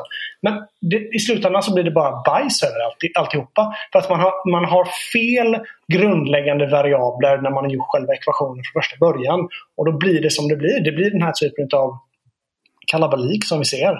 Och, och Det är tufft, det är svårt som individ eller som system eller som om man har haft en övergripande ideologi i ett samhälle. Det är enormt svårt att faktiskt eh, gå tillbaka och säga, vet du vad, vi hade fel. Vi hade fel om allting när det kommer till det här. Och vi måste korrigera det nu. Det är extremt svårt att göra. Istället börjar man skylla på andra variabler som, som man säger håller på att stör den här överideologin. Nej, men det är de hemska rasisternas fel. Det, det är ditt fel för att du är inte, du är inte tillräckligt med tolerant. Om du bara är tillräckligt med tolerant, då kommer det här systemet funka. För det här systemet är perfekt. Men som sagt, mm. Det, det, det, är inte så det ser ut i verkligheten. Och Man måste erkänna att det, det man har gjort är fel. Mm. Ja, det är något konstigt jävla maskintänk på något vis. Jag vet inte fan. Jag, jag, och jag, tycker, jag tycker att det är märkligt att hur man inte kan dra den liksom, kopplingen att om, om du är van att kalla folk som är emot liksom, det multikulturella samhället för rasister. Hur kan du inte se det rasistiska då i sådana fall i att bestämma att vi ska ha ett multikulturellt samhälle. Alltså det är ju samma sida av, eller det är olika sidor av samma mynt. Liksom. Det, är, det är lika efterblivet. Vad, vad, är det för... Vad, vad är det, vad, jag fattar inte det. Alltså. Jag tycker det är så jävla konstigt. Ja, verkligen. Men det är samma tänk egentligen när man, om, man, om man ser um, på um, folk som skriker om att välfärden behöver mer pengar. Alltså vi måste, de, de går på knäna. Vi, alltså vi betalar ju för fan skatt som är på vad är vi, fjärde eller femte liksom, högst skattetryck i, i världen. Eller någonting där. Det, det är helt jävla sjukt. Och, och, att, att komma och säga då att vi måste betala mer skatt. Alltså, när, hur, det är som att de ser liksom välfärden som någon sorts tuggummi-maskin. Liksom. Mm. Och trycker vi inte in tillräckligt mycket pengar då får vi inte ut tillräckligt mycket tuggummin. Så att liksom allt är liksom ett och ett på något vis. Men det är inte så det funkar. Alltså, är det inte Nej. uppenbart att har vi tryckt in så här jävla mycket pengar och det fortfarande inte funkar. Vad, är det, vad får dig att tro att det ja. skulle funka bättre om vi, om vi bara fortsätter Men åt samma håll. Majoriteten av alla de pengarna som vi betalar in i skatt går ju till socialbidrag, diverse eh, stöd och det ena och det andra det tredje också. Liksom. Ja, ja. Alltså det, är ju den, det är ju som sagt den här blinda tilliten till att systemet är perfekt. Det går inte att... att eh, det, om det är något fel någonstans så är det på grund av att vi inte har tillräckligt. Vi har inte implementerat det här systemet tillräckligt. Det behövs bara ännu mer implement. Vi behöver implementera det bara ännu mer. Då kommer det funka.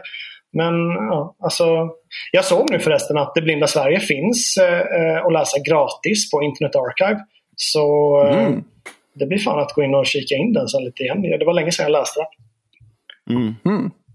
Så eh, Spännande. Den är han är inte, såhär, han, han, är inte sådär superduper nazist nu så att vi kommer bli cancelled. Nej, jag tror, han är, jag tror till och med han är jude. Så jag tror att det är... Um... Ja, ja, ja. Men det är de värsta nazisterna ibland. Exakt. Ja, det kolla, har... kolla bara på kost, Kostin. Kostin Alimaro.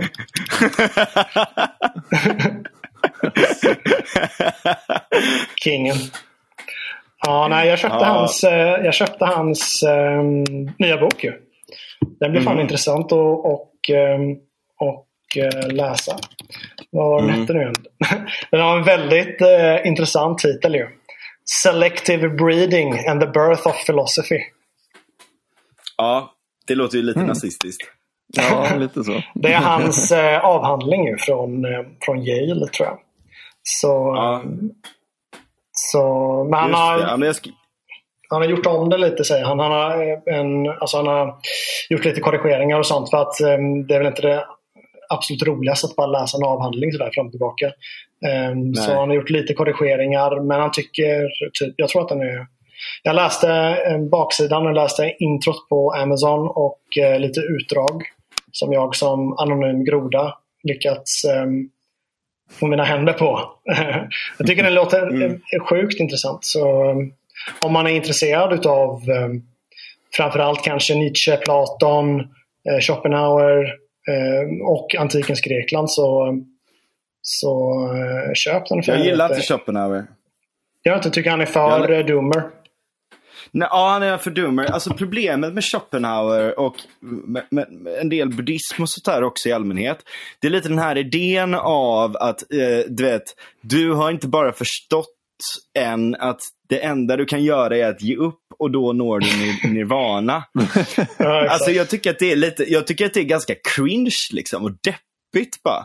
Det finns ju ja. liksom, det, alternativet till det är väl snarare typ att så här, om du inte lyckas i det här livet så är du inte tillräckligt stark, men om du försöker så kanske du har mer styrka till nästa. Det är ju betydligt mycket bättre outlook på saker och ting, skulle jag vilja säga. Uh, ja, BAP, uh, mer... eller Kostin har ju en, uh, typ, den typen av um, uppfattning kring just döden och sådana här saker. Att det, det, det viktigaste är liksom att dö ett, ett ärofyllt, en ärofylld död och på det sättet kunna bli återuppfödd i i en mer starkare form. Liksom. Så um, han är emot vad han kallar för uh, straw, straw death, som vikingarna kallade det. Det här att man dog på, på strå, stråbädden utan att man ska dö i som en våldsam död. Likt uh, tjurarna i, i, i tjurfäktningen där i Spanien. ja, alltså jag vet inte om jag vill gå så långt. Jag, jag, jag tror nog inte att man behöver dö i strid. Jag är ingen våldsam person. Jag har aldrig slagit någon. Eh, Gay! Uh, Ja, ja men jag, jag, jag är ganska mesig sådär. Liksom. Jag, men det jag har hört atletiska... rykten om att du förlorade ett slagsmål, Frans. Oj! Ja. Jag har hört rykten om att du har förlorat ett slagsmål här i så, så sent som i somras. Ja, just det. Ja. Uh, jag är ganska bra på att snacka mig ur grejer också. Alltså, när det väl börjar bli bråk. Liksom. Det var någon gång som jag stod ute här i Stockholm på en sån här riktig sunkbar så kommer en snubbe fram och börjar kaxa. Uh, och, och liksom håller på sådär och, och bara, ska vi slåss eller ska vi slåss? Typ. Och jag bara, nej jag, jag slåss inte. Mm. Han bara, vad fan menar du? Vadå inte slåss? Och jag bara, nej men jag, jag är ganska bra på att snacka, så jag tar mig alltid ur sådana här situationer. Liksom. Du vet, så provocerar honom ännu mer. Du vet. Ja. Han bara, men vad fan ska du säga då? Du vet, börjar brusa upp sig. Oh. Nej, men jag menar, ja, det blir kul att prata om lite allt möjligt, men om inte det funkar så uh, har jag uh, alltid liksom en, en sista, uh, en sista S i rockarmen. Ja, vad är det då? Uh, ja, men det är att jag bara drar av med byxorna och springer och jagar dig med kuken. Och han bara bryter ihop. Han bara, vad fan sa du? I fucking money, jag gillar dig. ja, men det, humor är faktiskt ett bra knep. Jag kommer ja. ihåg, nu när du pratar om just den här situationen så kommer jag ihåg jag, en gammal kompis till mig som jag lärde känna som kom från Frölunda. Så han, han hade verkligen växt upp i, ja, jag vet inte vad man ska säga, men eh, eh, speciella omständigheter där ute i Frölunda. Eh, och jag kommer ihåg att vi var på Andra Lång och drack öl. Och eh, så stod vi på Järntorget och väntade på varsin vagn. Jag skulle till, till Majorna och han skulle till Frölunda. Då. Och så stod vi där och så kommer det fram en snubbe och börjar liksom alltså, han, eller han började liksom snacka med oss bara helt normalt. Och sen började han liksom eh, hetsa igång och vill liksom verkligen få igång någonting. Typ. Och jag sket ju ner mig direkt för att jag är ju liksom inte, jag är ju ingen, jag är inte van vid liksom våld överhuvudtaget. Men min kompis då, han, han stod bara och smålog lite och så, och så ser han väldigt släpig ut, så här, lite halvtrött. Så han stod bara och log och tittade på den här snubben lite så här slött och rökte sin cigg bara helt tyst, helt kylig bara. Visar ingen, inga känslor alls liksom. Ingen rädsla, ingenting. Så den här snubben blev ju skitnervös till slut och bara så här taggade ner och gick därifrån. Och jag frågade min kompis efter vad fan gjorde du? Liksom? Varför, hur fan kunde du bete dig så kyligt i den här situationen när jag sket ner mig? Liksom? Och han bara, det första du, alltså det enda du liksom ska tänka i en sån situation det är att inte visa någon rädsla överhuvudtaget. Alltså mm. syna den här bluffen. Liksom. Ja. Alltså mer skicka den här eh, liksom eh, eh, vad ska man säga, den här eh, inställningen av att fuck around and find out. Liksom. Mm. Att, ja, exakt. Ja, försök då. Eh, och det fick mig att fundera lite grann på, på just eh, eh, Moderaterna. Återigen. Ja, ja, ja verkligen, när, verkligen. Ja, när liksom eh, de här länderna börjar liksom eh, jiddra. Liksom. Och då istället bara så här, oj, oj, oj, oj, oj, det är det sämsta du kan göra i en sån situation. Ja. Alltså, jag, och jag, jag får ju representera den reaktionen då, i den situationen. För att jag sket ju ner mig och blev jätte så här, oj, oj, oj. Alltså, det är så jävla idiotiskt. För att de, de respekterar inte rädsla eller liksom svaghet. De respekterar eh, att du stand your ground. Liksom. Ja, exakt. Ja, det är ju, det är, ju det är också en ärorikhet i det. Även om du inte slåss liksom, så finns det en, någonting ärorikt i det. Att jag behöver mm. inte slåss. Det är, du, har, ni, har ni sett den här Boondocks? The ja, jag vet vad det är. Jag vet vad det är. Ja, det, det, är en sån här, det är liksom en klassisk jävla serie. På den tiden man fick skämta. Liksom. Och de, det är, liksom, det är ju en, en svart person som har gjort den. Den handlar om svart kultur i USA. Uh, mm. Och så driver de det de, de kallar liksom uh, the nigga moment. Och det, det är liksom när två eh, svarta män liksom, du vet, råkar dunka i varandra. Liksom, och, det, och, och båda två eskalerade tills de började skjuta på varandra. Liksom. och så har de så, massa olika sådana, hela avsnittet handlar om det. Jag kan verkligen rekommendera det för att det är väldigt underhållande. Och, och, och, och uh, sådär. Men Uh, och, och, det finns en, liksom en sensmoral i det hela också. Uh, och uh, så, så, det fortsätter då och, och, så är det liksom en, en gång då så, så, här, så, så, så, liksom, så de driver extremt mycket med vita människor i det här också. Det är väldigt, väldigt så här, rasistiskt mot alla olika håll det här, den här serien. Mm. Men det var ju som sagt en annan tid. Jag tror att det gjordes i början av 2000-talet. Mm. Och ehm, eh, så, så, så, dunkar någon in i en vit person och han börjar så här. Hej vad fan sa, eller vad, vad, fan gör du? Liksom går in i mig sådär. Bla, bla, bla. Och så han bara, hey what the fuck man? Och så bara väntar, Hey wait a minute. I don't have to do this. I'm white! Och så bara jättestor väg. så går han iväg liksom. Och den här snubben bara Hey! What, what are you walking away from? What the fuck? What the fuck man? This is perfectly good opportunity to waste your life away, you know? Ja, ni... eh, på tal om ingenting, men nu bara... Jag hade Roland-sången här bredvid eh, som jag läst. Vet ni vad Roland-sången är för någonting? Song of Roland heter den på... Ni vet inte vad det är för någonting? Aldrig. Nej, aldrig hört talas om tror jag. Det är en chanson de geste, alltså en hjältedikt eh, från... Ska se när den, när den gjordes. Eh, det, det, det, det, Okej, var från, från 1100-talet. Eh, men det är om riddaren Roland i alla fall som... Eh, Det låter inte så ridderligt att heta Roland. nej, men, inte. Roland. Du får tänka att det är Roland. franskt, franskt namn. Roland. Exakt. Jag, Ehm, jag, jag hör dansband liksom. När man Roland. Han, är, han är i alla fall en, en riddare i Karl den store, alltså Charlemagnes eh, hov. Och ehm, själva berättelsen handlar egentligen om hur han till slut dör en väldigt ärorik död. Han stupar i slaget vid Roncheval mot eh, kristna basker och muslimska sarasaner. Och nu bara när jag ehm, liksom så flippade runt i boken så hittade jag den typ ett, ett, ett stycke som jag hade strykit under.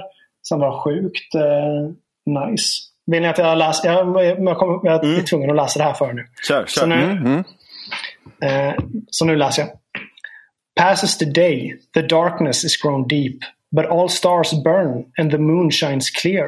And Saragosse, det Saragossa, is in the emperor's keep. Eh, Karl den alltså. A thousand francs he bid seek through the streets, the synagogues and the Mahumeries, with iron mauls and axes which they wield. They break the idols and all the imageries, so there remain no fraud nor falsity. That king fears God and would do his service. On water the bishops their blessings speak, and pagans bring into the baptistry.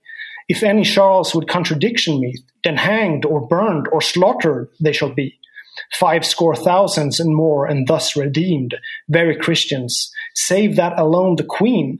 To France the deuce goes in captivity. By love the king will her conversion seek.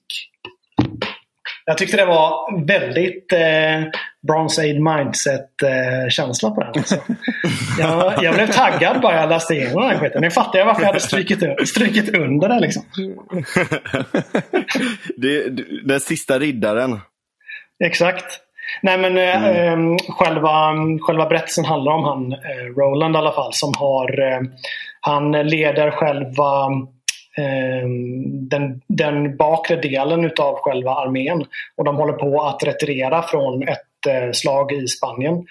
Och eh, till slut så blir han eh, överkommen utav en, en muslimsk och eh, den här kristna eh, baskarmén.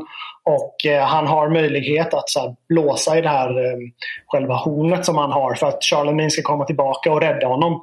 Men han vägrar att göra det för att han vet att om han gör det så kommer det vara liksom väldigt oärorikt. För han har gett sitt, sitt löfte till eh, Karl den store att kunna hålla den här eh, rear guard som det heter på engelska. Eh, och sen i slutet när han märker att han håller på att förlora men att liksom, det är det sista han, han kan göra och han håller på att dö så blåser han i hornet och eh, Charlemagne kommer. Ehm, jag trodde ni hade läst om Rolandsson. Fan, det är ett klassiskt eh, verk. Ehm, Mm, nej. Nej, aldrig hört talas om. Men nu fick vi en liten eh, Ja, fan. lektion i det. Ja, precis. Ja, men vi, med, med dessa ord kanske vi ska avsluta. Nu har vi pratat här i eh, två timmar och 26 minuter och jag kommer säga ännu fler dumheter som kommer eh, som, som kommer ge mig problem. Nej, jag. Det finns, det finns ju faktiskt inget bättre sätt att avsluta en podd på än att citera ur Rolandssången faktiskt. Det måste man Ja, en ärorik, eh, en ärorik, eh, Död. ett ärorikt avslut här. Ett ärorikt död för, eh, för För en avsnittet. ärorik podd. Ja. Herr Husis, Avslutar Alltid ett nöje. slavmentalitet. Tack Ja, som fan för att verkligen. jag fick komma tillbaka. Det har varit skitskoj. ja. Ja, du är alltid välkommen. Gött. Ja, men då säger vi så boys.